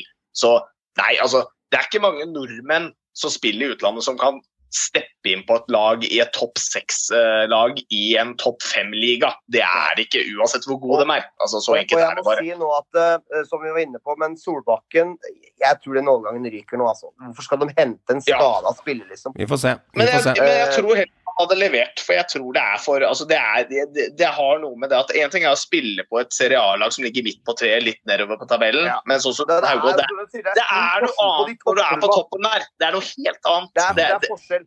Det er, det er krav hver runde. Altså, er ikke, du kan ikke ha en dårlig kamp, for da går du ut av laget. Da er du Mm. ferdig. Det er, det er større forskjell på toppklubba i Serie A og toppklubba i Premier League kontra resten. Altså, ikke sant? For at Ja, ja, ja. eh, de, de der litt sånn middelmådige klubba i Serie A Ja, det er ikke noe dårlig lag, liksom, men, men, men du skal, det skal litt til å gå til AC Milan og Inter Altså- og Juve, altså. Ja, De, altså, de, også de middelmådige klubbene i Premier League har jo mer penger enn Juve. Så det er jo det. Det, det har jo litt mer det er, Jo, det er ikke lagt til Nå har Pogba gått dit, liksom. Altså, de, du tuller ikke Han kosta jo nesten ingenting. Ja, men Jo- Joakim, kroner. Cristiano Ronaldo for noen år siden. Det er Juve er ikke noen Ja. tulleklubb, altså. Nei, jeg sier ikke det, men det var, det var ment som en spøk. da. Altså, eller ikke en spøk, for det er en sannhet med modifikasjoner at pengene i bunnen av Premier League er jo høyere enn de fleste toppklubber i de fleste steder i hele Europa. Men, Det er jo ikke mange. det, det, det, det er ligaen med mest penger, men, men toppklubba i Italia har fortsatt en veldig stor Ja, er stjerne. Ja, gæren, selvfølgelig. Ok, da blir det sistemann ut i bingen, og Joshua King til Tyrkia. Han ja. Det er så kjedelig! han, Ja, jeg er kjedelig, men han, han, han, sitter, han bekrefter vel egentlig at det nå er om å gjøre å samle onkel Skrubingen full før karrieren er over? Er jeg Jeg syns det er smart av King. Fordi nå, nå er han 30 år. Han hadde ikke fått noen ny Premier League-klubb nå. Det hadde vært championship på King. Og 30 år, han har muligheten til å kanskje komme til Champions League, som har vært en drøm, for det er en av toppklubbene i Tyrkia. Det er topp tre-klubb i Tyrkia. Sørloth har vist det, at han kan bare banke inn goller der. For å få litt fart på karrieren og en nedadgående kurve, det må være lov å si. Han har rykka med igjen med et båndlag i Premier League. Og gå til en litt sånn jalla-liga, litt sånn derre skikkelig trøtt på tribunen. Du blir enten gud eller bare hata hvis du ikke leverer varene. Jeg syns det er kult av King jeg, å bare gå litt ut av komfortsonen og komme til et nytt land og liga før han er for gammel. Han er 30 år. Kan godt hende han får en boost på karrieren sin og, og, og kan tjene gode penger på en, på, en, på en ganske OK klubb, som ofte er i, i hvert fall europacupene. da. Så jeg syns det var, var et kult valg. Jeg hadde ikke sett den komme, faktisk. Nei, altså, jeg er ikke uenig. Altså, jeg er ikke uenig i at det er et dårlig uh, Jeg sier, sier ikke det er et dårlig valg av Joshua King, men det er bare sånn som Johan han er inne på. da. Det er også en bekreftelse på at uh, nå er han der. Altså, Ja da. Han skjønner jo det sjøl, da. Dette er det beste han kan Og få det vet til. han. Og, ja, og, det, og, det, og ikke sant, dette poenget er at ja, altså hvis han briljerer i tyrkisk liga, så vil han fortsette å hentes inn på det norske landslaget, men det, nå går det nedover. Det ble, han, blir ikke, han blir ikke satsa på verken av landslaget eller ting framover nå, han skjønner det. Men jeg er ikke uenig med deg. Altså, han har hatt, altså, du kan si hva du vil om King, du kan ha mer enn du har hatt. Han har hatt en absolutt en innholdsrik og morsom Ja, ja, ja. fotballkarriere. Altså, fyren har vært Uten med på og han har brukt nesten, og det er det ikke mange nordmenn som kan si, han har brukt nesten hele karrieren sin i England. Altså Han har spilt for flere Blir som engelske Riise, da. Blir som Riise og Jo, utlandet. Nei, gutten han Nei. dro til England som 16-åring. altså. Ja, ja. Han var i. Manchester er United som han Ja, ja. Og så for all del, altså selvfølgelig. Ja, jeg bare Men jeg, bare, altså, jeg må bare få lov Det er lov å si. Altså, Ja. Tyrkisk liga, det er ikke spennende. Altså, Jeg syns ikke det. Nei, det er jeg skjønner. Og det er, men det er en tid for alt, da. Det er Ikke det. sant? Det Men er det er helt- det er helt Han er 30 år. Og jeg, jeg, jeg skjønner Ja. gutten. jeg, altså. Han får sikkert bra betalt òg. Ja, ja. Ja, ja, ja. Det, er ikke noe- er er liten klubb. Fenerbahçe, Nei, altså. nei, nei. nei, nei. Det er dit det er Øzil er der og sånne ting, liksom. Og han er over toppen. Men det er sånn, det er sånn liga som spillere drar til type over toppen. Eh, hvis du på en måte har et navn, og så er det, er det selvfølgelig eh, lag som er brukende der i europeisk sammenheng. Ja, ja. Men, men, ikke noe topp, topp, toppliga. Nei, men bare 50 000 gærne tyrkere i Ja, ryggen. det er tøft som faen på tribunen. Og det, altså det, det skjønner jeg jo. Altså jeg, ser, jeg ser poenget, det var ikke det som var meningen min. Det er bare det at det er kjipt. Ja, er jeg, er enig med Joakim, men jeg skjønner også valget hans. Han, han ser- innser realiteten her. Ja, Så det ja, er ja. fair. Neste rundespådom, gutta. Der Ja, ja, ja. Meran, jeg fikk inn resultatene litt seint der, så du ikke var med på forrige episode der, men de kom med her, selvfølgelig. eh, For de spilles jo før runden. Du fikk null poeng der, Meran. Eh, Du traff ikke på de. Jeg traff på én Molde-seier, fikk ett poeng, ikke riktig resultat. Joakim traff på RBK-seier med 3-0 til Rosenborg, tippa du. Det ble 3-2, det er ett poeng. Og Håvard traff på Enga-seier mot Kristiansund. Det var nesten over, det er 2-0 du tippa, men det ble tre der. Så du får ett poeng. Så alle stakk av med ett poeng i forrige runde, utenom Merando, han fikk null. Så da er det rett og slett eh, 16. juli, da, karer. Til helgen. Oi, oi. I er torsdag i dag, som lytteren veit, så var noen av oss på ferie og eh, spente litt eh, feriekroner og hygga oss, så da, da måtte vi utsette denne episoden til torsdagen. Men vi er på, for vi er av fans for fans. Men om to dager så eh, ramler det løs igjen i Eliteserien. Og Joakim, du skal starte med Jerv Sandefjord. Det blir publikumsvinner. Ja. Um, nå har jeg skrytt litt av Jerv, da. Det er litt av poenget. Og Sandefjord er ikke så god. Sandefjord er gode borte, borte, husk på det. Ja, de er, de er det, vet du. Og det er liksom det som er litt sånn Jeg tror um, Jeg tror hvis det er ett lag som liksom tukter Jerv på hjemmebane, så tror jeg Sandefjord er et sånt lag som klarer å ta på, eh, i hvert fall å, å vinne. Jeg tror kanskje jeg, har litt troa på Sandefjord. Eh, Fancy-laget mitt viser det at jeg har litt troa på Sandefjord. Yep. Så jeg kan ikke ljuge mot mitt eget fancy-lag. Så jeg tror Sandefjord vinner, men jeg tror ikke, det blir ikke masse. Jeg tipper de 2-1. Det blir 1-2 mellom Jerv og Sandefjord. Ok, HamKam, Glimt. Hmm, ekkel match. Ja, det blir jo uavgjort, da. Det er jo ja, altså, Det lukter litt uavgjort for meg, egentlig. faktisk. Okay. Jeg må innrømme det. Ja. Uh, ellers så rundspiller Glimt uh, HamKam. Det er Men nei, han kan være god hjemme. Uh, jeg har sagt Totto så veldig mye. Jeg tror jeg aldri, Har jeg truffet på en Totto hittil? Ja, jeg tror kanskje du har truffet før, men Nei, klar- nei, ikke nå hittil, så jeg tror ikke jeg har truffet på en Totto nå. Nei, 60% av kampene ender uavgjort, og 30 ender med 1-1 for HamKam. Ja, men jeg tror Glimt skårer mer enn ett mål, skjønner du. Okay. Det tror jeg de klarer. Så jeg går for å treffe på en Totto Dalum, jeg nå. Nå skal jeg treffe på en Totto Dalum. da tar vi en Totto. Meran, Molde-Haugesund. Eh, Molde-Haugesund, ja. 6-0. Ok. Nei, det ender 1-1. 1-1, ja, en klassiker. Og så er det Odd Lillestrøm. Også litt småekkel for Lillestrøm. Den. Ja, du mener ikke det? I tidligere episoden så var du klink på at Lillestrøm skulle ta den? En gang til. Odd Lillestrøm. Ja, du var klink på LSK der Ja, ja, ja. ja. Okay. Klink 1-3. 1-3. 1-3. Lillestrøm vinner 1-3. Ok. Ja, ja, ja. Klink. Klink. Altså Ja. Klink. Sarp Enga. Eh, jeg tipper 3-1 til Sarp. Jeg tror, jeg, tror, jeg tror ikke Enga klarer å stå imot det Sarp har å komme med. Han Svenskene har fått fart på det laget der. De produserer mye sjanser, kommer mye til innlegg, de har mye ball. Altså, det, er, det er ekkelt lag å møte. De er ganske gode hjemme òg. Så jeg tror det blir 3-1 til Sarp. Tromsø-Godset. Eh, den der kampen der Det kan ende med hva som helst. Ja, virkelig. Ja, vet du, det er sånn derre Jeg tror jeg skal tippe noe vilt nå. Kan du ikke bare slå to terninger, da? Og så kan du bare Én terning for hvert Gå lag, og på så sånn, tar du det gå inn på sånn internett og trykke på sånn random tall 1 til 10, Ja. og så blir det sånn 7-6. Altså, når Ja. du bare tykker sånn random tall Nei, vet du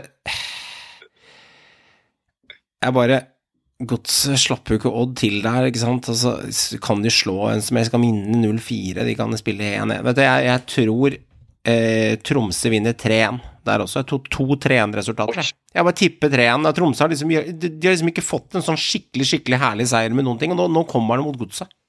Nå tror jeg Godset blir jekka ned. Det er jo typisk godset, det. Ja, ja, det er typisk Tromsø, og vet aldri med de. Håvard, du skal avslutte med Viking Kristiansund og Ålesund RBK. Så Viking må jo slå KBK. Alle slår jo KBK. De ser jo fortapt ut, stakkars. Ja, men de kan jo ikke ende med ett poeng i løpet av ligaen, så de Nei, må jo stjele kan poeng det, et sted. De kan, de kan. De Ja, de kan jeg, jeg, jeg, jeg, Statistisk Viking, liten sjanse. eh, jeg tror Viking vinner, men jeg tror de vinner, jeg tror de vinner 3-1. 3-1 der òg, ok. Ok. Ålesund RBK. Ålesund, den er seig. Det er ekkel. La han tape sjelden med store resultater. Det er ett mål og sånn. Ålesund RBK, men jeg tror faktisk RBK vinner 2-1. 1-2 til Rosenborg. Ja, litt sånn seig borte, borteseier der.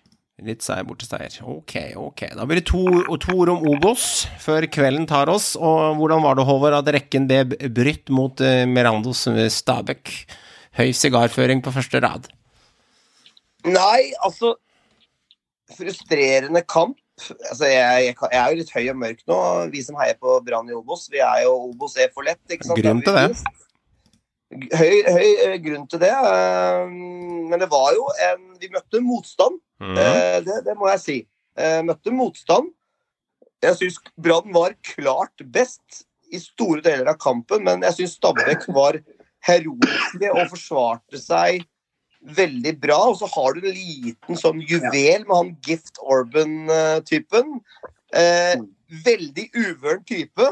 Mye rart. Men har jo en, en kunstskåring, da. Jeg må si Han har ganske gull òg, men også veldig dyktig. Eh, der har jo Stabæk fått seg en liten sånn Liten sånn spirrevipp som kan uh, gjøre mye Ja, ja, på egen spiss, hånd. som vi har prata om før. ja, en spiss som dere har savna.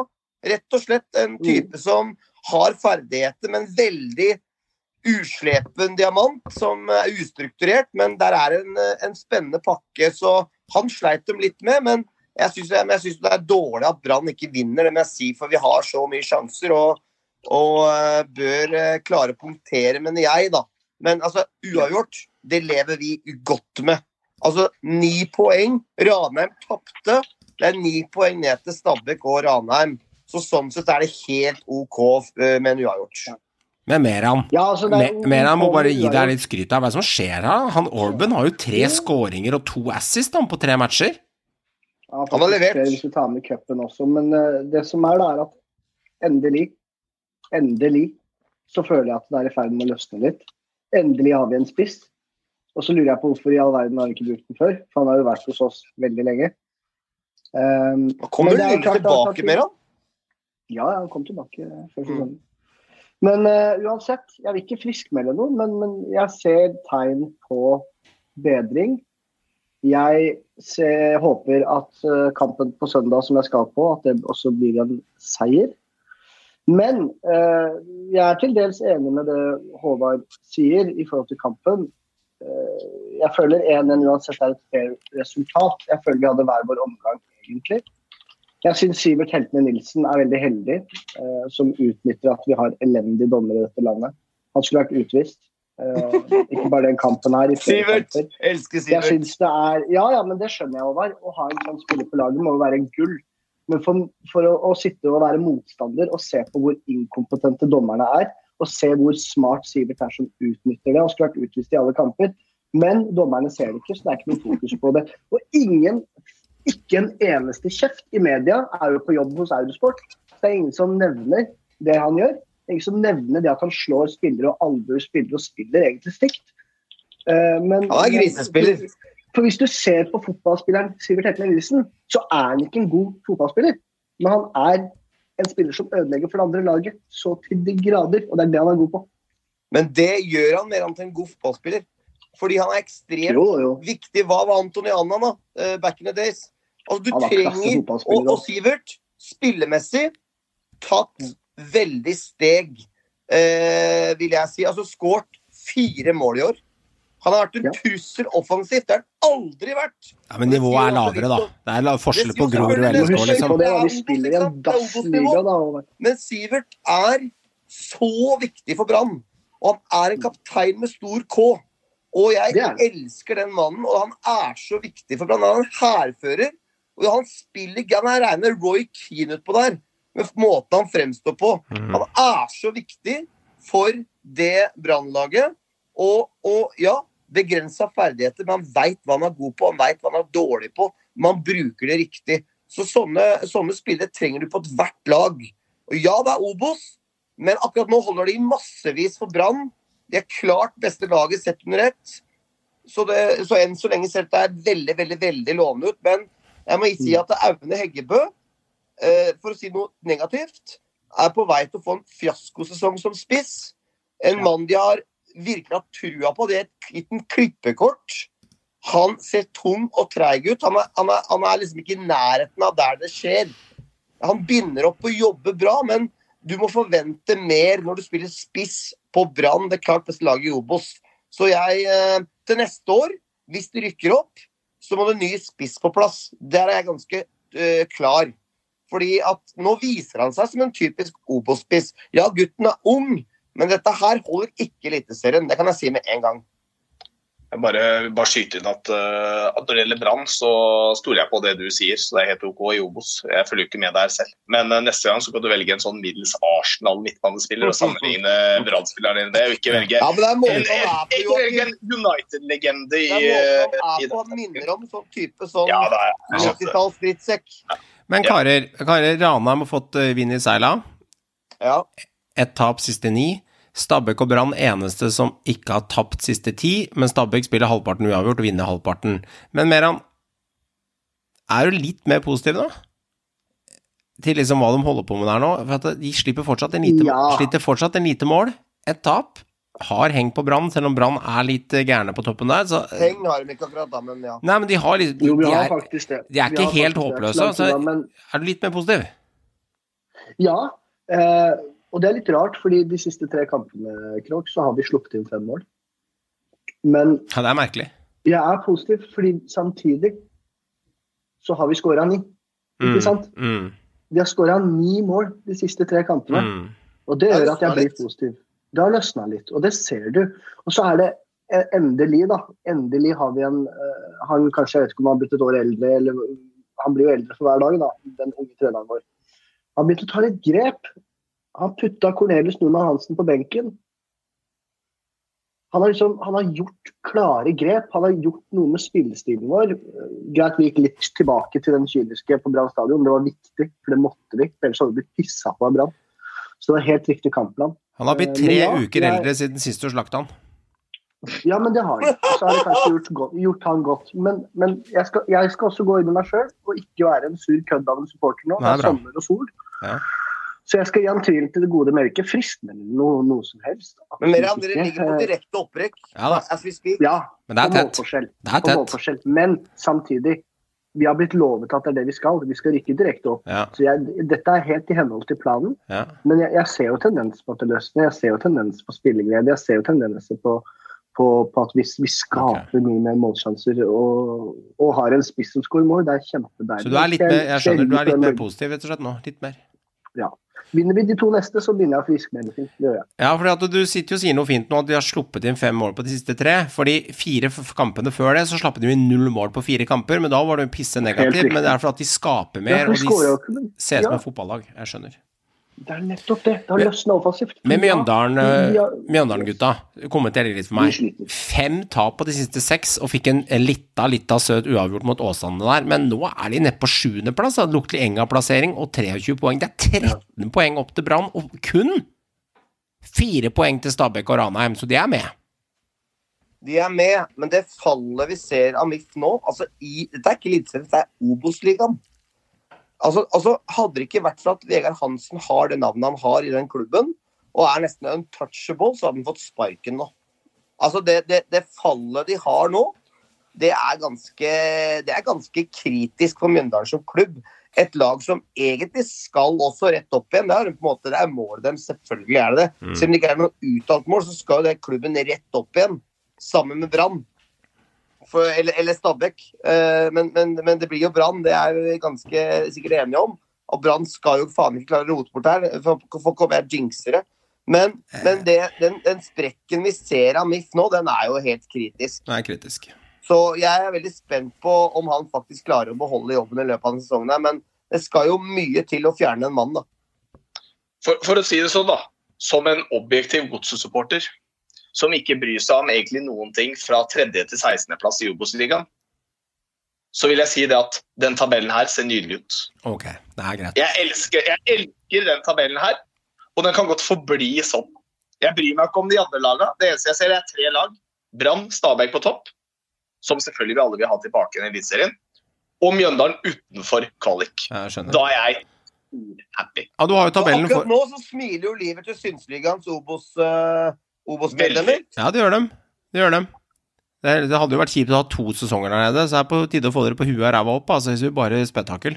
Og når du ser på tabellen, Altså, ser på ja. tabellen der, Joakim, Grorud 14., Skeid 15., Stjørdalsblink i Trondheim 6-6-6, og Grorud har null seire. Er de laga der de som ender tredje sist, fordi, fordi vi snakker sju poeng opp, er løpet godt der, Joakim? Det er enkelt ja eller nei? Uh, jeg ville gitt deg enkelt ja eller nei. Jeg, jeg, vil, jeg vil egentlig si jeg sier bare ja, men jeg vil bare skyte, jeg må skyte inn én ting, og det er det at det- jeg, jeg, jeg, jeg har litt sånn forskjellighet for Skeid. Jeg liker Skeid, så jeg liker at Skeid skal rykke ned. Okay. Så, så Grorud og Stjørdalsblink kan rykke rett ned. Det er helt OK. Jeg lurer på penga til, eh, penga til Bryne, og bare for Haaland, hva de skal bruke de på? Om det er kioskpenger eller spiller? Nei, si det, altså. Det, hva som skjer på Bryne, på, på Jæren der. Men, eh, men eh, Tom vil nok gjerne at uh, Skeid skal holde seg, siden han har en uh, liten, uh, liten fortid der. Men, eh, men altså, det er, det er ganske stusslig nede i bånn i Obos der. Altså, der er det, der er det litt av en suppe. Og det som skjer i Stjørdalsblink, det er nesten en parodi. Altså, om de har spillere igjen i løpet av sesongen altså, nå, nå, nå, nå forsvinner de én etter én der. De, de har jo eh, det kommer til å bli henta inn bare random spillere der, nesten for å få fylt opp et lag fra lave divisjoner i Trøndelagen der. Mm. Så dem, dem kommer i hvert fall til å rykke ned. Hvis dem holder seg, det er tidens prestasjon i Obos. Men altså, det laget der, jeg bare sjekka nå, det laget der har jo ligget på 14.-plass i de to siste sesongene, som har overlevd et nødskrik de to siste sesongene. Så er det på tide at de rykker ned. Altså, det er rykker de beste spillerne også, for de får jo Ja, ikke ja. lønn. Ja, sånn er det. Sånn er det. Nei, sånn er det. Karer, det var en gledens episode. Vi fikk eh, smørt sammen episoden. Og vi blir samla, vet du, så går det to timer uansett. Det er sånn det er. Ja, Det er eh, alltid. Det er, vi klarer alltid å få til en god sending. Til og med i bilen på vei hjem fra Nordfjell så ble det podkast. Godt levert, Håvard. Godt levert. Det er- var litt sånn at vi måtte ikke la episoden gå fra oss uansett. Vi, det, må vi, det må vi få ut der ute, og folk eh, har lyst til å lytte. Så da, da, og vi trives å prate fotball nå, så det var, eh, det var deilig. Resultatene er lagt fram på neste rundespådom, og det er kun to dager til alt eh, ruller i gang igjen. Så får dere kose dere, kjære lytter, og tusen hjertelig takk for at du lytter til Synseligaen. Del gjerne i sosiale medier. Om det er på Instagram, så får du kontakt med Meran. Er det på Twitter, så får du kontakt med Håvard. Kos deg masse. Ha en glimrende helg. Hei så lenge. Dette dreier seg ikke om taktikk. Det dreier seg om å ville ta ut det du har i magen. Dere er gode. Skjønn at dere er gode. David Hansen!